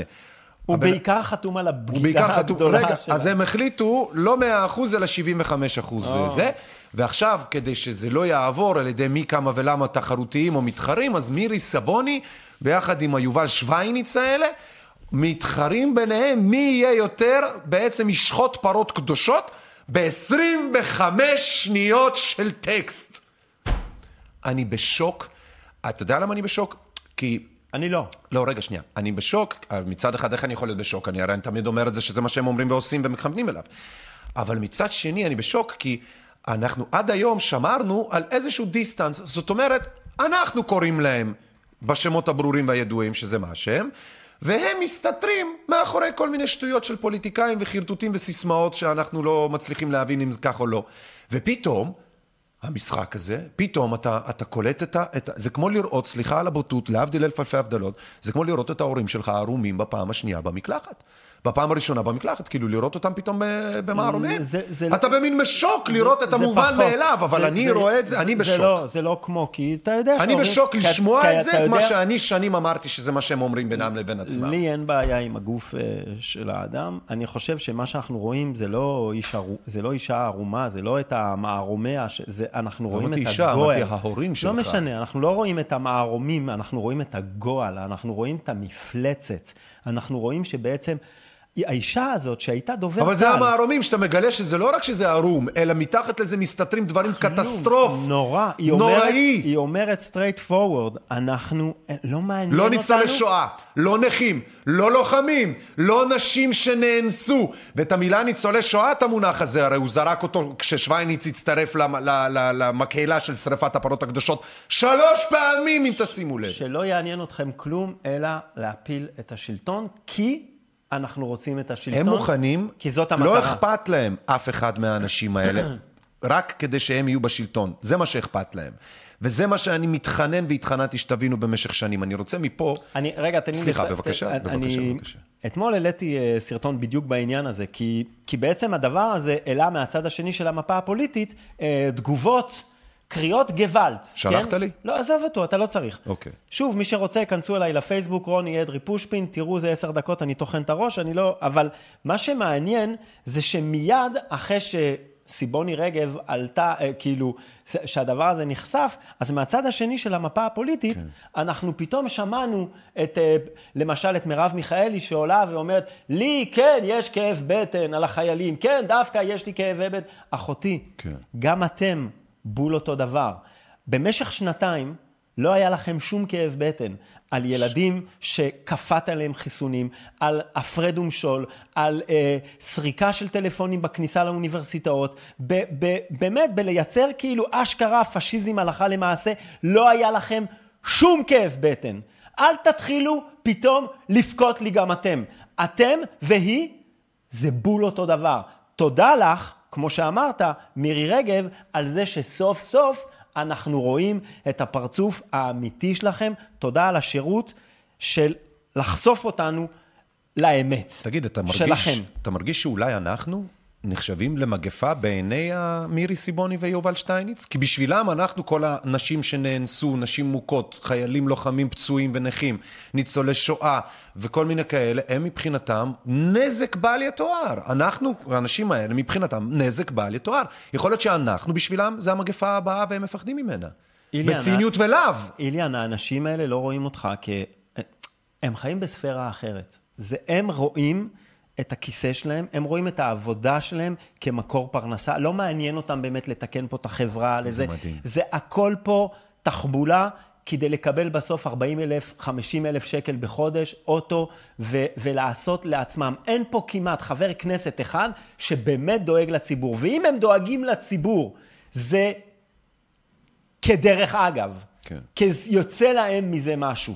זה אף פעם לא כי באנו באמת לעזור. וזה נורא, אבל אנחנו רואים את זה. אנחנו סוף סוף, באמת, מי שלא מתעורר על החיים של עצמו, אשכרה. מי שלא רואה את האישה הזאת, רואה את הטקסט הזה ואומר, אין מה לעשות, אני לא יכול יותר לה, להצביע למפלגה הזאת. מי שעדיין מצביע למפלגה הזאת, מגיע לו. חברים, זה לא רק מפלגה. מגיע, זה לא משנה. זו תפיסת עולם שאומרת שמי שתומך באנשים שבפנים שוחטים, אומרים לך, אנחנו רוצים לשים את כל המסכנים האלה מתחת לרכבת, גלגלי האוטובוס, מה שנקרא, בשביל שאנחנו יהיה לנו טוב. מי שתומך באנשים כאלה, תומך בעצם באנשים מסוכנים לציבור, בעיניי מסוכנים פוליטית, מסוכנים תשתיתית רווחתית, מסוכנים כלכלית, מסוכנים נפשית, ובעוד הרבה דברים. כי אם הם יושבים על השיבר, וזו הצורה שבה הם פועלים עם השיבר הזה, כשהם סוגרים אותו למי שעוד הכי צריך ממנו, אנחנו נמצאים במקום מסוכן מאוד מהבחינה הזו. אני רוצה שמכאן אנחנו אה, אה, נעשה שני דברים. אחד, אני רוצה להראות סרטון של אורלי אלמוג. אה, כמה דקות, ומשם אנחנו נמשיך למשבר ההומניטרי, לכאורה של המזון, המגפה הבאה, משבר המזון ועוד כל מיני כאלה. בבקשה. מה שמדהים עם מירי רגב, שנייה לפני שאתה עובר לסרטון הבא, זה אין ש... הבדל בין ה... סליחה. זה תמשיך. שבעצם, הרי הליכוד במקרה הזה, כן. עושה את הטעות הקלאסית שכאילו לשחק אותה אופוזיציה לוחמת, לא משנה מה הנושא. כן. הרי בתקופת הקורונה לא היה לכם בעיה להיות כאילו אי- אופוזיציה שבעצם מסכימה עם הקואליציה. יכלתם להמשיך בקו הזה ולהגיד, נכון. אנחנו, לעומת הצד השני, כשהם באופוזיציה הם עושים לנו דווקא והכל, כשאתם למשל מעלים נושא חשוב כמו החיילים, אנחנו בטח שאנחנו מצביעים איתכם. נכון. הרי כל ליכודניק היה מסתכל על זה ואומר, הנה המפלגה שאני מתחבר אליה. כן. גם כשהם לא בשלטון, הם עושים את הדבר הנכון. והייתם זוכים בכל הקולות בבחירות הבאות, ויכול להיות שאפילו הייתם זוכים בקולות שעוברים משמאל לימין. אבל אחותי, את כזאת לא בא לי לקלל, כי לא רוצה, לא רוצה שיש... עשיתי את זה מספיק. לא, מס- זה נורא... לא זה, מספיק, זה אבל חוסר- עשיתי את זה. אה, אה, מי הטקטיקן של ה... של ה... מי... הם צריכים מישהו שינהל אותם. אני חושב שזה, זה, אתה, אל תציע הצעות שאחר כך אתה תתחרט עליהן, מי יצלצלו אליך, הטקטיקן י- של היחידה הזאת? יצלצלו אליך, יציעו לך. זה כזאת, אה, זה, זה טעות של, של טירונים. אני רוצה שסרטון של אורלי אלמוג, שהתארחה אצלנו בציפורי דרור, ביחד עם Mm. אה, שאיריס וופר פורטוגלי, ימי שלישי בשלוש עושים אצלנו. אני רוצה שאנחנו נראה סרטון אה, שהיא עשתה. למה אני מדבר על שם? פה המצלמה, כן. אה, היא פשוט כפרה עליה. בואנה, איזה מצלמה. כפרה עליה. העדשה יותר גדולה מהמצלמה, יותר כבדה מהמצלמה, ולשים את זה איך שזה, זה היה סרט מהתחת. לא משנה, חברים יקרים, אני רוצה להראות את הסרטון, כי זה מתקשר, מתכתב בדיוק למה הממשלה הזאת עושה נגדנו, עלינו, בשבילנו, או לא, לא בשבילנו, יותר נכון, אה, על גבינו. אנחנו נראה את זה, אה, בינתיים אני אשתה לי את הכוס קפה ביחד, ואנחנו נחזור לדבר על שאר אה, ענייני עד היום, אז זה חשוב מאוד. אורלי אלמוג, כאמור, הייתה אצלנו בתוכנית, דיברה וזה, אותה אחת, תרצו, תראו, בואו נמשיך, בואו ניקח את זה משם. אזרחי ישראל, מאחורי הגב שלנו נעשים מעשים לא חוקיים במטרה לשנות לנו את החיים לתמיד. מדובר בידיעה שחייבת לפתוח את כל מהדורות החדשות. במדינה דמוקרטית נאורה אמור היה לעמוד כאן ראש הממשלה ולדבר אל האומה באולפן חדשות. אבל מכיוון שזה לא קורה, אני אספר לכם מה שקורה ממש עכשיו. זאת לא קונספירציה, זוהי אזעקת אמת לצעדים דורסניים להפיכת ישראל מדמוקרטיה לדיקטטורה על מלא. למי שלא מתעצל, הכל נמצא באתר האו"ם ובאתר ארגון הבריאות העולמי, ה-WHO. אם אתם שואלים למה לא מדברים על זה בחדשות, התשובה היא כי הם לא מורשים לדבר על זה. הממסד מסתיר את המידע הזה מהאזרחים, כמו שמסתירים את פרוטוקול הקורונה, כמו שמסתירים את ההסכמים שנחתמו עם פייזר, כמו שמסתירים את נפגעי הזריקות. ההסתרה הפכה למדיניות. אז הנה אני כאן, אורלי אלמוג, לא פרופסור ולא דוקטור, אזרחית כמוכם. באתי להנגיש לכם את השינוי בו ממשלת ישראל מעבירה את קבלת ההחלטות על אזרחי ישראל לארגון הבריאות העולמי. ארגון הבריאות העולמי נערך לחתימה עם 194 מדינות בעולם על אמנה שמעבירה לידיו את כל הסמכויות של כל המדינות במקרה חירום בריאותי, ברגע שארגון הבריאות העולמי יכריז על מצב חירום כזה. המדינות יהיו חייבות לציית לכל הוראה כזאת, וברגע שהמדינות חותמות על האמנה, האמנה גוברת על חוקי ממשל לאומיים ועל חוקה של אותה מדינה. כלומר, אם נדבר על ישראל, כל חוקי המדינה לא יהיו בתוקף מרגע חתימת ישראל על האמנה הזאת. וזה הבסיס לממשלה עולמית אחת, אותה רוצה להנהיג קלאוס שווב, שתוכל לעשות במדינות האלה כרצונה ובאופן חוקי. אף קריין חדשות לא יכריז שמהיום אנחנו בדיקטטורה. גם הממשלה העולמית המתוכננת לא תכריז ביום בהיר אחד שמהיום היא השולטת. היא תדאג למצבי חירום שמאפשרים דריסה של הדמוקרטיה, תוך כדי שהיא מסתתרת מאחורי גופים שלכאורה נראים הומניים, חוקיים ולגיטימיים, כמו ארגון הבריאות העולמי, כמו האו"ם והפורום הכלכלי העולמי, בראשותו של אותו קלאוס שווב. המדינות שיחתמו על ההסכם צריכות להקים תשתית של מעקב, בקרה, פיקוח, איסוף מידע ושליטה מלאה אחר האזרחים שלהם, ולהעביר את המידע שלהם על פי הדרישה לארגון הבריאות העולמי. במסמך חיזוק המוכנות של ארגון הבריאות העולמי למקרה חירום, ההצעות מנוסחות במילים יפות למען בריאות העולם ושמירה על העולם, ובאופן מטושטש ולא מוגדר, כך שמאפשר לו טווח פעולה עצום. סעיף 12 במסמך נותן למזכ"ל הארגון את הכוח הדרקוני והבלעדי לקבוע שאנחנו במצב חירום רפואי בינלאומי. וזאת רק החלטה של איש אחד בלבד. זאת לא טעות. מרגע החתימה, רק הוא לבדו מחליט על כל העולם. שימו לב, החתימה על תיקוני המסמך הייתה מיועדת להיחתם באוגוסט 2022, והוקדמה בחשאי לעכשיו, מאי 2022. להזכירכם, במדינת ישראל, לאחר בחירתו, ראש הממשלה אומר, אני מתחייב כראש הממשלה לשמור אמונים למדינת ישראל ולחוקיה, למלא באמונה את תפקידי כראש הממשלה ולקיים את החלטות הכנסת. כך גם השרים מתחייבים לשמור אמונים למדינת ישראל ולחוקיה. האם אזרחי ישראל בחרו ממשלה בידיעה שהיא תעביר את הסמכות שקיבלה מהבוחרים לגורם חיצוני כמו האו"ם או ארגון הבריאות העולמי? התשובה היא לא. כיוון שזה לא קרה, ואנחנו האזרחים מעולם לא אישרנו את המהלך הזה, מדובר בצעד לא חוקי בעליל, שיהיה ברור.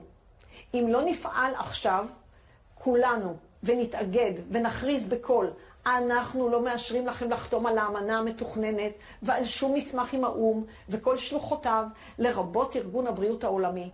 האמנה המפלצתית הזאת תכפה עלינו חוקים, טיפולים, חיסונים, מסכות, סגרים ומעצרים. ומשרד הבריאות יטען, זה לא אנחנו, זה ארגון הבריאות העולמי. צריך להבין שבתוך הארגונים האלה יושבים נציגים של ארגונים פרטיים, לא ממשלתיים, כמו קרן ביל ומלינדה גייטס, כמו קרן רוקפלר, כמו GAVI, שזה ברית החיסונים של גייטס. הארגונים האלה, שלאורך שנים גרמו לנו לחשוב שהם פילנטרופים, רכי לב, חדרו בזדון לאו"ם ולארגון הבריאות העולמי, והיום הם בעלי השפעה רבה על כל מה שקורה שם. בגדול, הם הרוח מאחורי השיגעון שנקרא סדר עולמי חדש. הקורונה הייתה רק מבחן מקדים, עליה הם למדו את כל הלקחים. הם בדקו את הצייתנות העיוורת, את הנאמנות של האזרחים בכל מדינה, ועכשיו עושים את הדבר אליו הם כיוונו. האו"ם קיבץ 194 ראשי מדינות, כולל ישראל, ששלחה נציגה בשם מירב אילון שחר, שאף אחד לא מכיר, שאינה מייצגת אותנו, והיא נשלחה, ללא ידיעתנו, לחתום על אמנה בינלאומית שתחייב הזרקת חיסונים, דרכוני חיסונים, וכל אדם יהיה כבול לברקוד QR אישי. בלעדיו לא יוכל לעשות שום דבר. החל מנסיעה לחו"ל ועד הוצאת רישיון רכב, או טסט לרכב, או משיכת כספים, או הלוואות מהבנק וכדומה. אמנה בינלאומית גוברת על חוקי המדינה. אני חוזרת ומדגישה. אמנה בינלאומית כזו גוברת על כל חוקי המדינה. גם אם האמנתם בהתחלה והלכתם לקבל זריקה, כי אמרו לכם שזה חיסון, כי אמרו לכם חיסון שני וחוזרים לחיים, ובין אם הזרקתם שלוש פעמים ואפילו ארבע פעמים, היום רוב אזרחי ישראל לא מאמינים יותר לממשלה ולא למשרד הבריאות, והנשק היחיד שהשתמשו בו ומשתמשים בו גם היום הוא הפחדה והסתה פרועה נגדנו, האחים שלכם, שקראו לנו קונספירטורים. ממש מסכנים האנשים שסביבכם, זה כאילו אתם uh, מסתובבים עם uh, מקלע ויורים על כולם uh, נגיפי דלתא. ו... ברקוד עם QR אישי, נשמע לכם מדע בדיוני? נכון. פעם גם אני חשבתי ככה. גם כשאמרנו שהזריקות פוגעות וגם הורגות, אמרתם לנו שזאת קונספירציה. פייזר בלחץ בית המשפט בארצות הברית מודים על 1,251 תופעות לוואי מהזריקה. רשימת המתים והפגועים בארץ ובעולם כולו עולה מיום ליום. וזאת כנראה גם הסיבה מדוע הקדימו את החתימה מאוגוסט 2022 למאי 2022, כי המידע זולג החוצה. אזרחי ישראל, היום עלינו לעשות הכל כדי לעצור את הרכבת הדוהרת הזאת טרם החתימה, ולעצור את הדיקטטורה המשתלטת עלינו בהסוואה של דאגה לעולם. זהו צו שמונה אזרחי. כבו את הטלוויזיות, צאו מהבית, ויחד נעצור את המהלך הזה. כי הכוח בידיים שלנו, האזרחים החופשיים. תזכרו, אין לנו ארץ כן, אין לנו ארץ אחרת, זוהי אורלי אלמוג בסרטון הזה, שהיא קוראת לעצמה אזרחית שאכפת לה, אנחנו גם אזרחים שאכפת לנו, בשביל זה אנחנו כאן. אז uh, הסרטון הזה שהיא עשתה, מה זה? המצלמה מתה? אוי ואבוי, הסוללה שם אוי מתה. ואבוי. מה, הנה, באמת? זהו? זה כל הזמן שהיא מחזיקה? זה למה זה אתה מעפן. צריך אה, לקנות, אה, אנחנו צריכים אותך. מה, זה באמת? אשכרה, זה מת. זה לא מת, זה המצ- ישן. הסוללה מתה. זה ישן.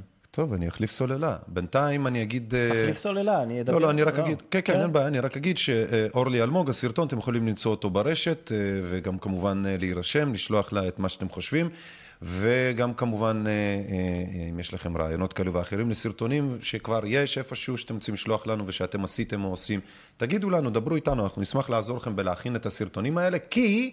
אני רואה שגם פה היה צריך קצת יותר עזרה בהכנה של הסרטון, כדי שלא ייראה כאילו, זה תמיד יש קטע כזה, כשמכינים סרטון טוב, איכשהו תמיד הוא, הוא כאילו, מין, בסוף הוא, האיכות לא משנה, שם, מה משהו, ש- אנחנו מה מאבדים את עצמנו מה באיכות. שחשוב זה מה שהיא אומרת. זה- כן, כן, כן, זה ה- נכון. אז זהו, אז אתה בינתיים תגיב על מה שהיא אומרת. הדברים, כאילו- לכן אני, זה זה מה שרציתי לעשות, לתת לך רגע בינתיים, אתה תגיב על מה שהיא אומרת, ואני אה, אני, אני מסדר ש- רגע פה את אתה- המצלמה. אתה תסדר. אני חושב שהדברים ה- המאוד מעניינים במה שהיא אומרת, זה שהיא היא, היא בעצם כאילו חושפת את כל התופעה. היא מסבירה מה האו"ם, מה התוכנית של האו"ם בגדול, וכמעט ואף אחד, לפחות, תראה, מה שמדהים זה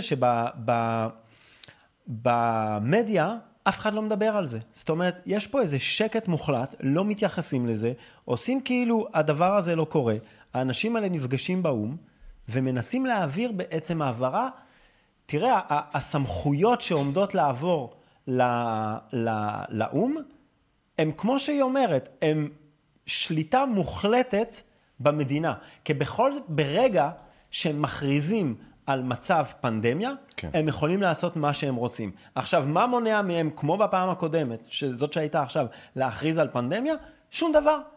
כל דבר מבחינתם יכול להיות פנדמיה, אפילו ה monkey pox הזה של 250 אנשים כאילו על פני פלנטה שלמה, הם יכולים מחר להגיד, וברור מה- מה- מה point מה הם of יכולים להגיד מחר? שזאת פנדמיה. כן. וברור מה point of view שלהם, למה הם רוצים לעשות את זה. כל מה שאתם צריכים כדי להבין למה הם רוצים לעשות את זה, זה להסתכל על מה שקורה בסין. אני חושב שאם לא שבוע הבא, שבוע אחרי זה, אנחנו נזמין פה את, ה, את החברה שלי אה, שחזרה מסין לפני שלושה חודשים, אוקיי. ונראיין אותה. ואתם תגלו איך היום-יום מתנהל שם. כן. הכ- אין להיות אלקטרון חופשי, כן. אין אה, שתהיה לך דעה משלך, כן. אתה עושה מה, נגמר הדמוקרטיה. אתה פשוט, כמו שאמרת קודם, אתה עבד בחברה שמחליטה מה אתה עושה כשאתה קם בבוקר ואיך אתה הולך לישון. הכל מנוהל על ידי, כמו שהיא אומרת, ברקודים, זה לא באמת ברקודים, זה QRים. זה QRים, כן. אבל בסופו של דבר, אתה לא יכול להתנהל בלי הדבר הזה. אני רוצה שניתן את אחת התופעות הלוואי של בעצם כשאורלי אומרת את מה שהיא אומרת. גם אגב, חבר הכנסת גדי יברקן, כשמצטרף, זה מצטרף למה שהוא אמר במליאה על העברת ה... ההחלטות הרפואיות שלנו לארגון הבריאות העולמי. אה, זה לא רק הרפואי, אתה מבין רגע, רגע, שהרפואי הוא, הוא מטריה, הוא... הוא, הוא תסתכל. זה, זה בעצם... זינוק בדיווחים על מצוקות נפשיות של 2022 לעומת 2019. אתם יכולים לראות עלייה של דיכאון וחרדה, עלייה של 90 אחוזים, 4,000 אנשים.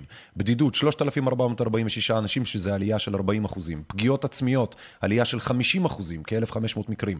הפרעות אכילה, עלייה של 120 אחוזים, כ-950 מקרים. זאת אומרת, זה מצטרף, אה, מה שאתם רואים פה, את הסלייד ואת הנתונים האלה, דיווח מצוקות בני הנוער, כן, 2022 לעומת 2019.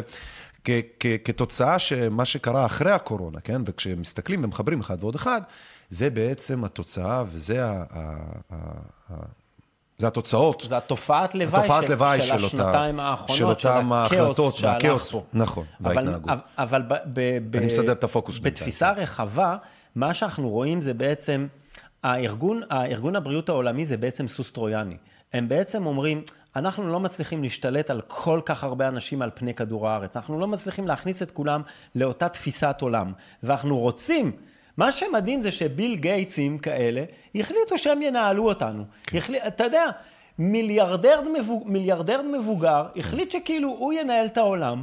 איך אני עושה את זה? אני משתלט על כמה ארגונים, ודרך הארגון הזה אני עכשיו קובע פוליסיז של כל העולם. עכשיו, ניסו, ניסו נגיד, ניסו לבנות את האיגוד האירופאי. כן. לא כל כך עבד, אנחנו רואים שם את הבעיות, אנחנו רואים כמה מדינות, אנחנו רואים את התסיסה שקורית בתוך צרפת, בתוך גרמניה, אנחנו רואים את הברקסיט, אנחנו רואים שזה לא עובד, אנשים רוצים את הסוברנטי שלהם. סוברנטי, הריבונות אוקיי? שלהם על עצמם, כן. והם, והם אומרים, אוקיי, בדרך הזאת זה לא עובד. אז מה הסוס הטרויאני?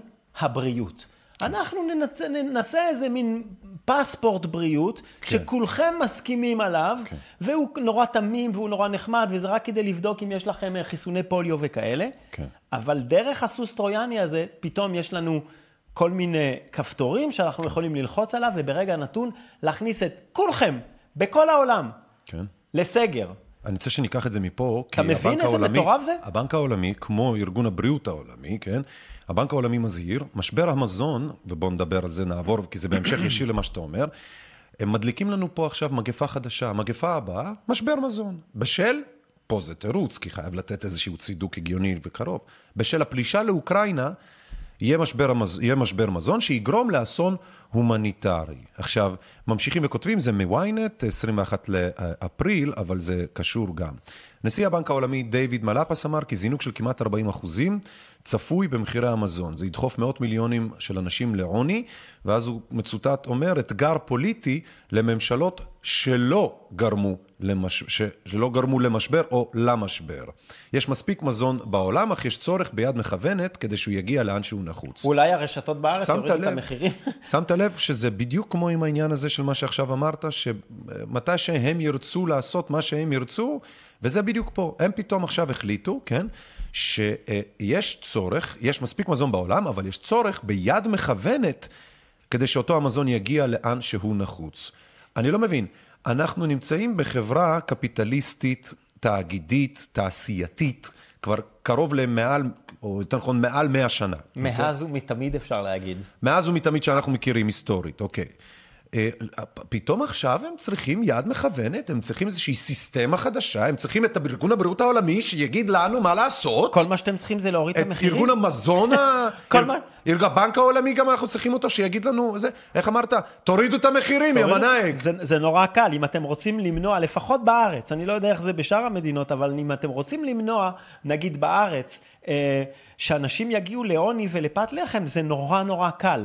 תורידו את המחירים, אנחנו יודעים שאתם לוקחים כפול על כל דבר. אנחנו יודעים שקילו אורז, שאתם גובים עליו 11 שקל, אתם גובים במדינה אחרת על אותו קילו אורז 6 שקל. אנחנו יודעים ש, שליטר חלב אתם גובים עליו כפול. אנחנו יודעים שהדאודורנט שאתם מזמינים אותו, הכל פה כפול. אמת. תורידו את המחירים, אנחנו נהיה בסדר. אמת, אני רוצה שבאותה המידה... לא, נעלה. באותה נעלה את נשימה. המחיר. אתה הולך, אתה הולך למכולת, יום אחד, קילו עגבנייה, 9 שקל. כן. פתאום למחרת אתה בא, 14 שקל, מה קרה? לא, בעזה, השמש, הזובי, איך זה יכול להיות? ביום אחד זה 4 שקל, אותו מוצר, כן. הדבר הזה, יום אחד עולה לך 4 שקל לקילו, ולמחרת הוא עולה 14, ואתה לא מבין למה. למה? כי הם פשוט חזירים. כי הם לא יודעים, כי הם לא יודעים להפסיק. אתה יודע מה זה, יא אח? זה זהב. זה, אתה יודע מה זה? זה, זה מסכת בננות. זה יפה. זה מסכת בננות. זה של- יפה. רגע, זה מסכת רפובליקת בננות. זה מסכת... או, מה שבאתי לומר. זה מסכת רפובליקת בננות. זה מסכה שאתה מקבל כשאתה הופך לרפובליקת בננות. זה מסכת בננות. כן, אחי- אז אני רוצה רגע שנתכתב באותו העניין עם משבר מזון העולמי, שהם מכתיבים לנו מה, כמה ולמה. אתה עוקב אחרי מה שקורה בארצות הברית, אני- אפרופו משבר עולמי? אז גם זה- המ- המחירי האוכל שם עולים, אבל מחירי הנפט, כן. המזוט, מה שנקרא סולר, דיזל, דיזל, כן. הכפילו את עצמם. כן, כן, כן. אנשים כאילו שוקלים, תחשוב, אמריקה הגדולה, אלה שנוסעים עם המכונית, אין. מכוניות שגוזלות הרבה דלק ושפתאום אין להם, כן. אני רוצה, אבל באותה המידה, גם בארצות הברית, מה שאני הולך לדבר עליו, המזג האוויר. או. ו- ופה אתה מתחיל להשתעמם, אתה אומר זה לי לא הנושא מעט. שאני עובר כאילו, ל... אתה עובר למצב שינה. אני עובר לפייסבוק, אני עובר לטיקטוק. לא, לא, אז... יודע, לך על זה. מזג האוויר בעולם השבוע גרם למותם של רבים, עשרות, גם בגרמניה, בארצות הברית ומדינות אירופה השונות. במישיגן בארצות הברית היה טורנדו שהחריב את האם אימא שמה של האזור. גרמניה היה חום וטורנדו, סליחה, בגרמניה היה טורנדו שהרג עשרות אנשים. אה, שיא החום בספרד. אה, זה פשוט תופעות כאלה במאה ה-21 לא היו. עכשיו, שני דברים. זה מייצר כמובן משברים כאלו ואחרים. אבל זה בעיקר מייצר הזדמנות לאותם הארגונים, כפי שעכשיו ראינו, לעשות עלינו סיבוב ולומר, עכשיו צריך, סליחה רגע, תזוזו, עכשיו אנחנו שולטים, עכשיו אנחנו בעל הבית. זאת אומרת... באנו להציל אתכם.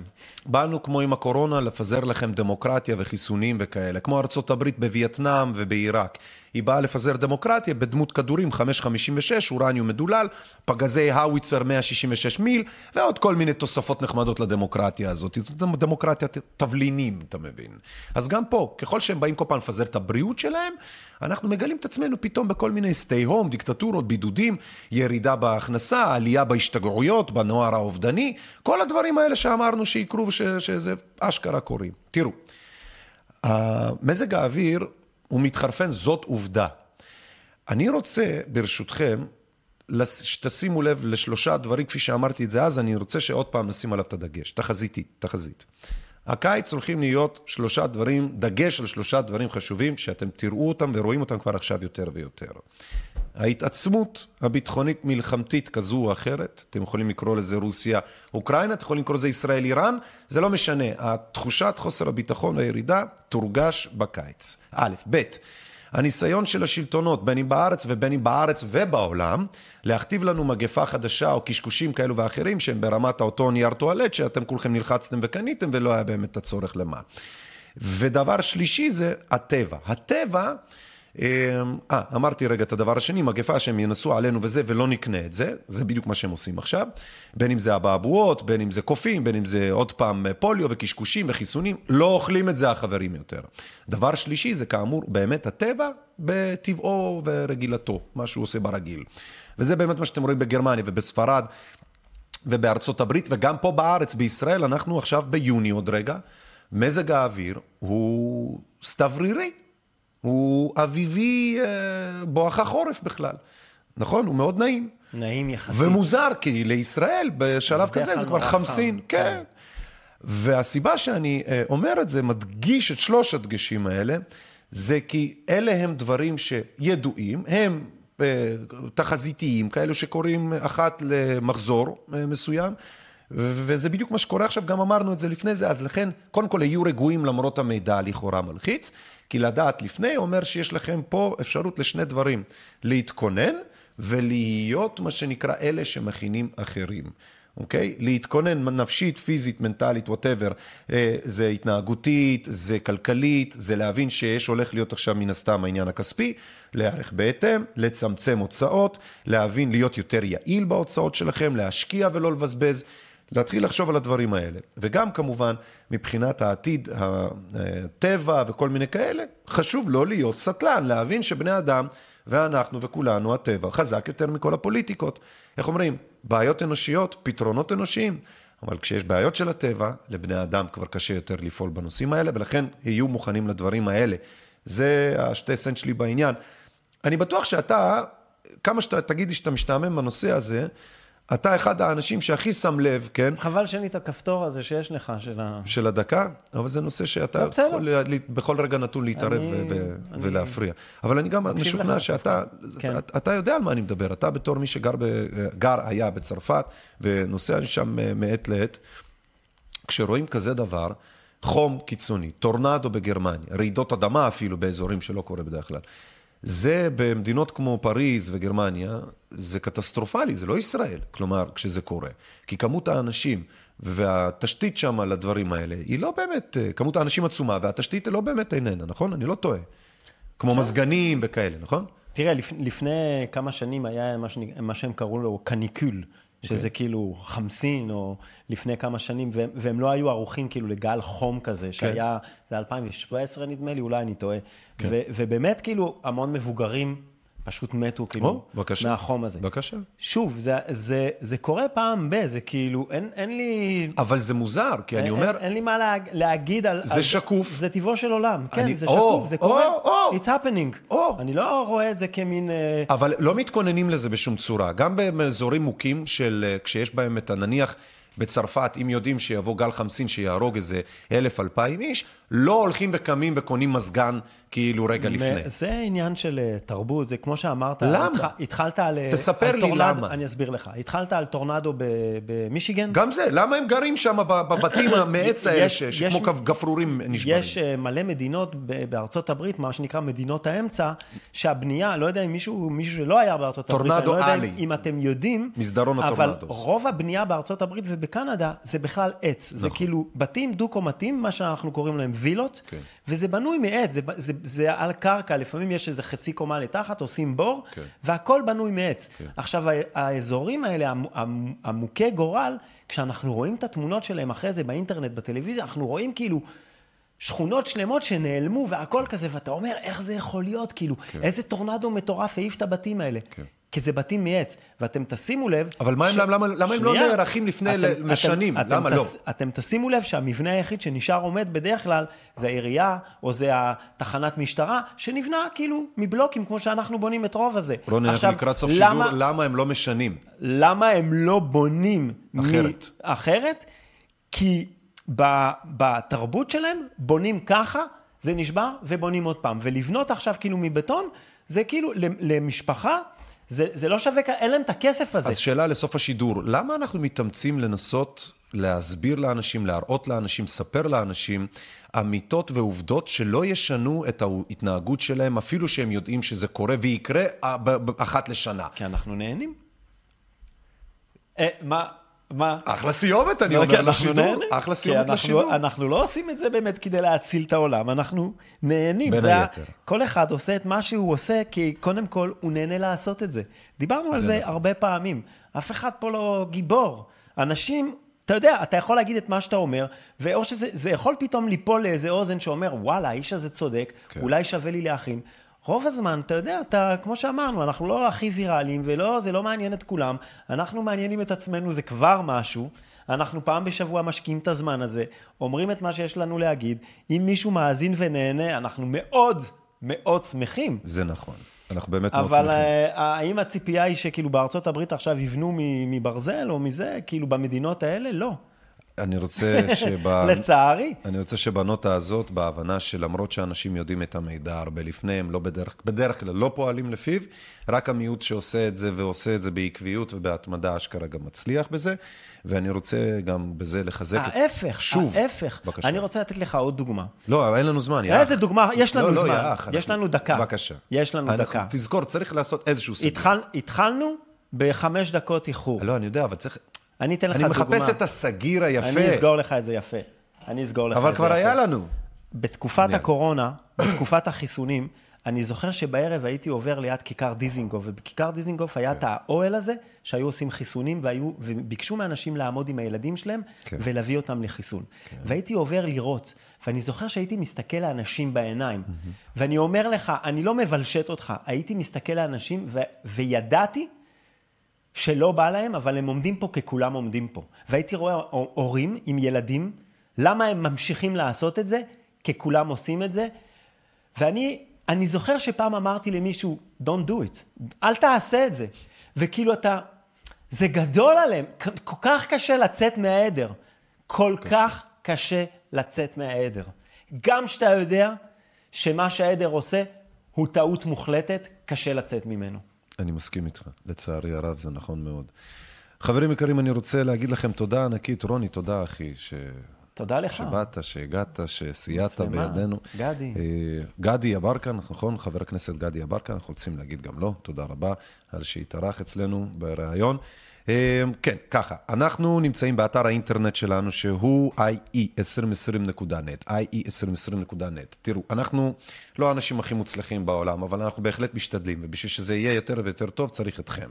אתכם בכל מיני רמות.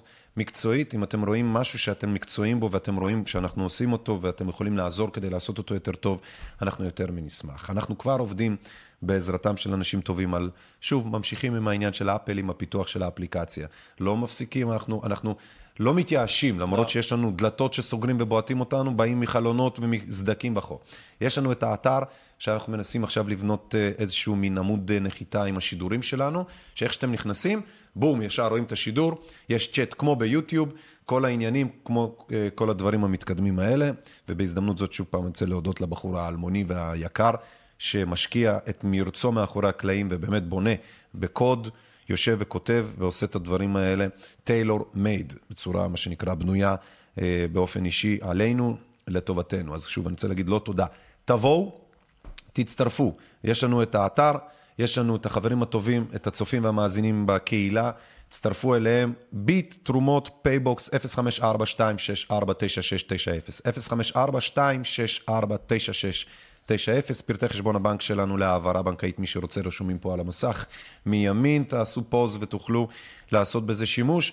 ושוב, כמובן, אני... אם אה, נהניתם, אם נהניתם, שתפו את השידור שהעלינו ליוטיוב, זה ממש חשוב. אם נכנסתם והקשבתם, ותשימו שם תגובות, ואם אתם ברשתות החברתיות, אם זה היוטיוב שלכם, או אם זה פייסבוק וטוויטר וטלגרם, ותפיצו לחברים שלכם, כדי שבאמת יהיה לנו יותר מאזינים, לא כי אנחנו חושבים שאנחנו מפיצים את האור, אלא...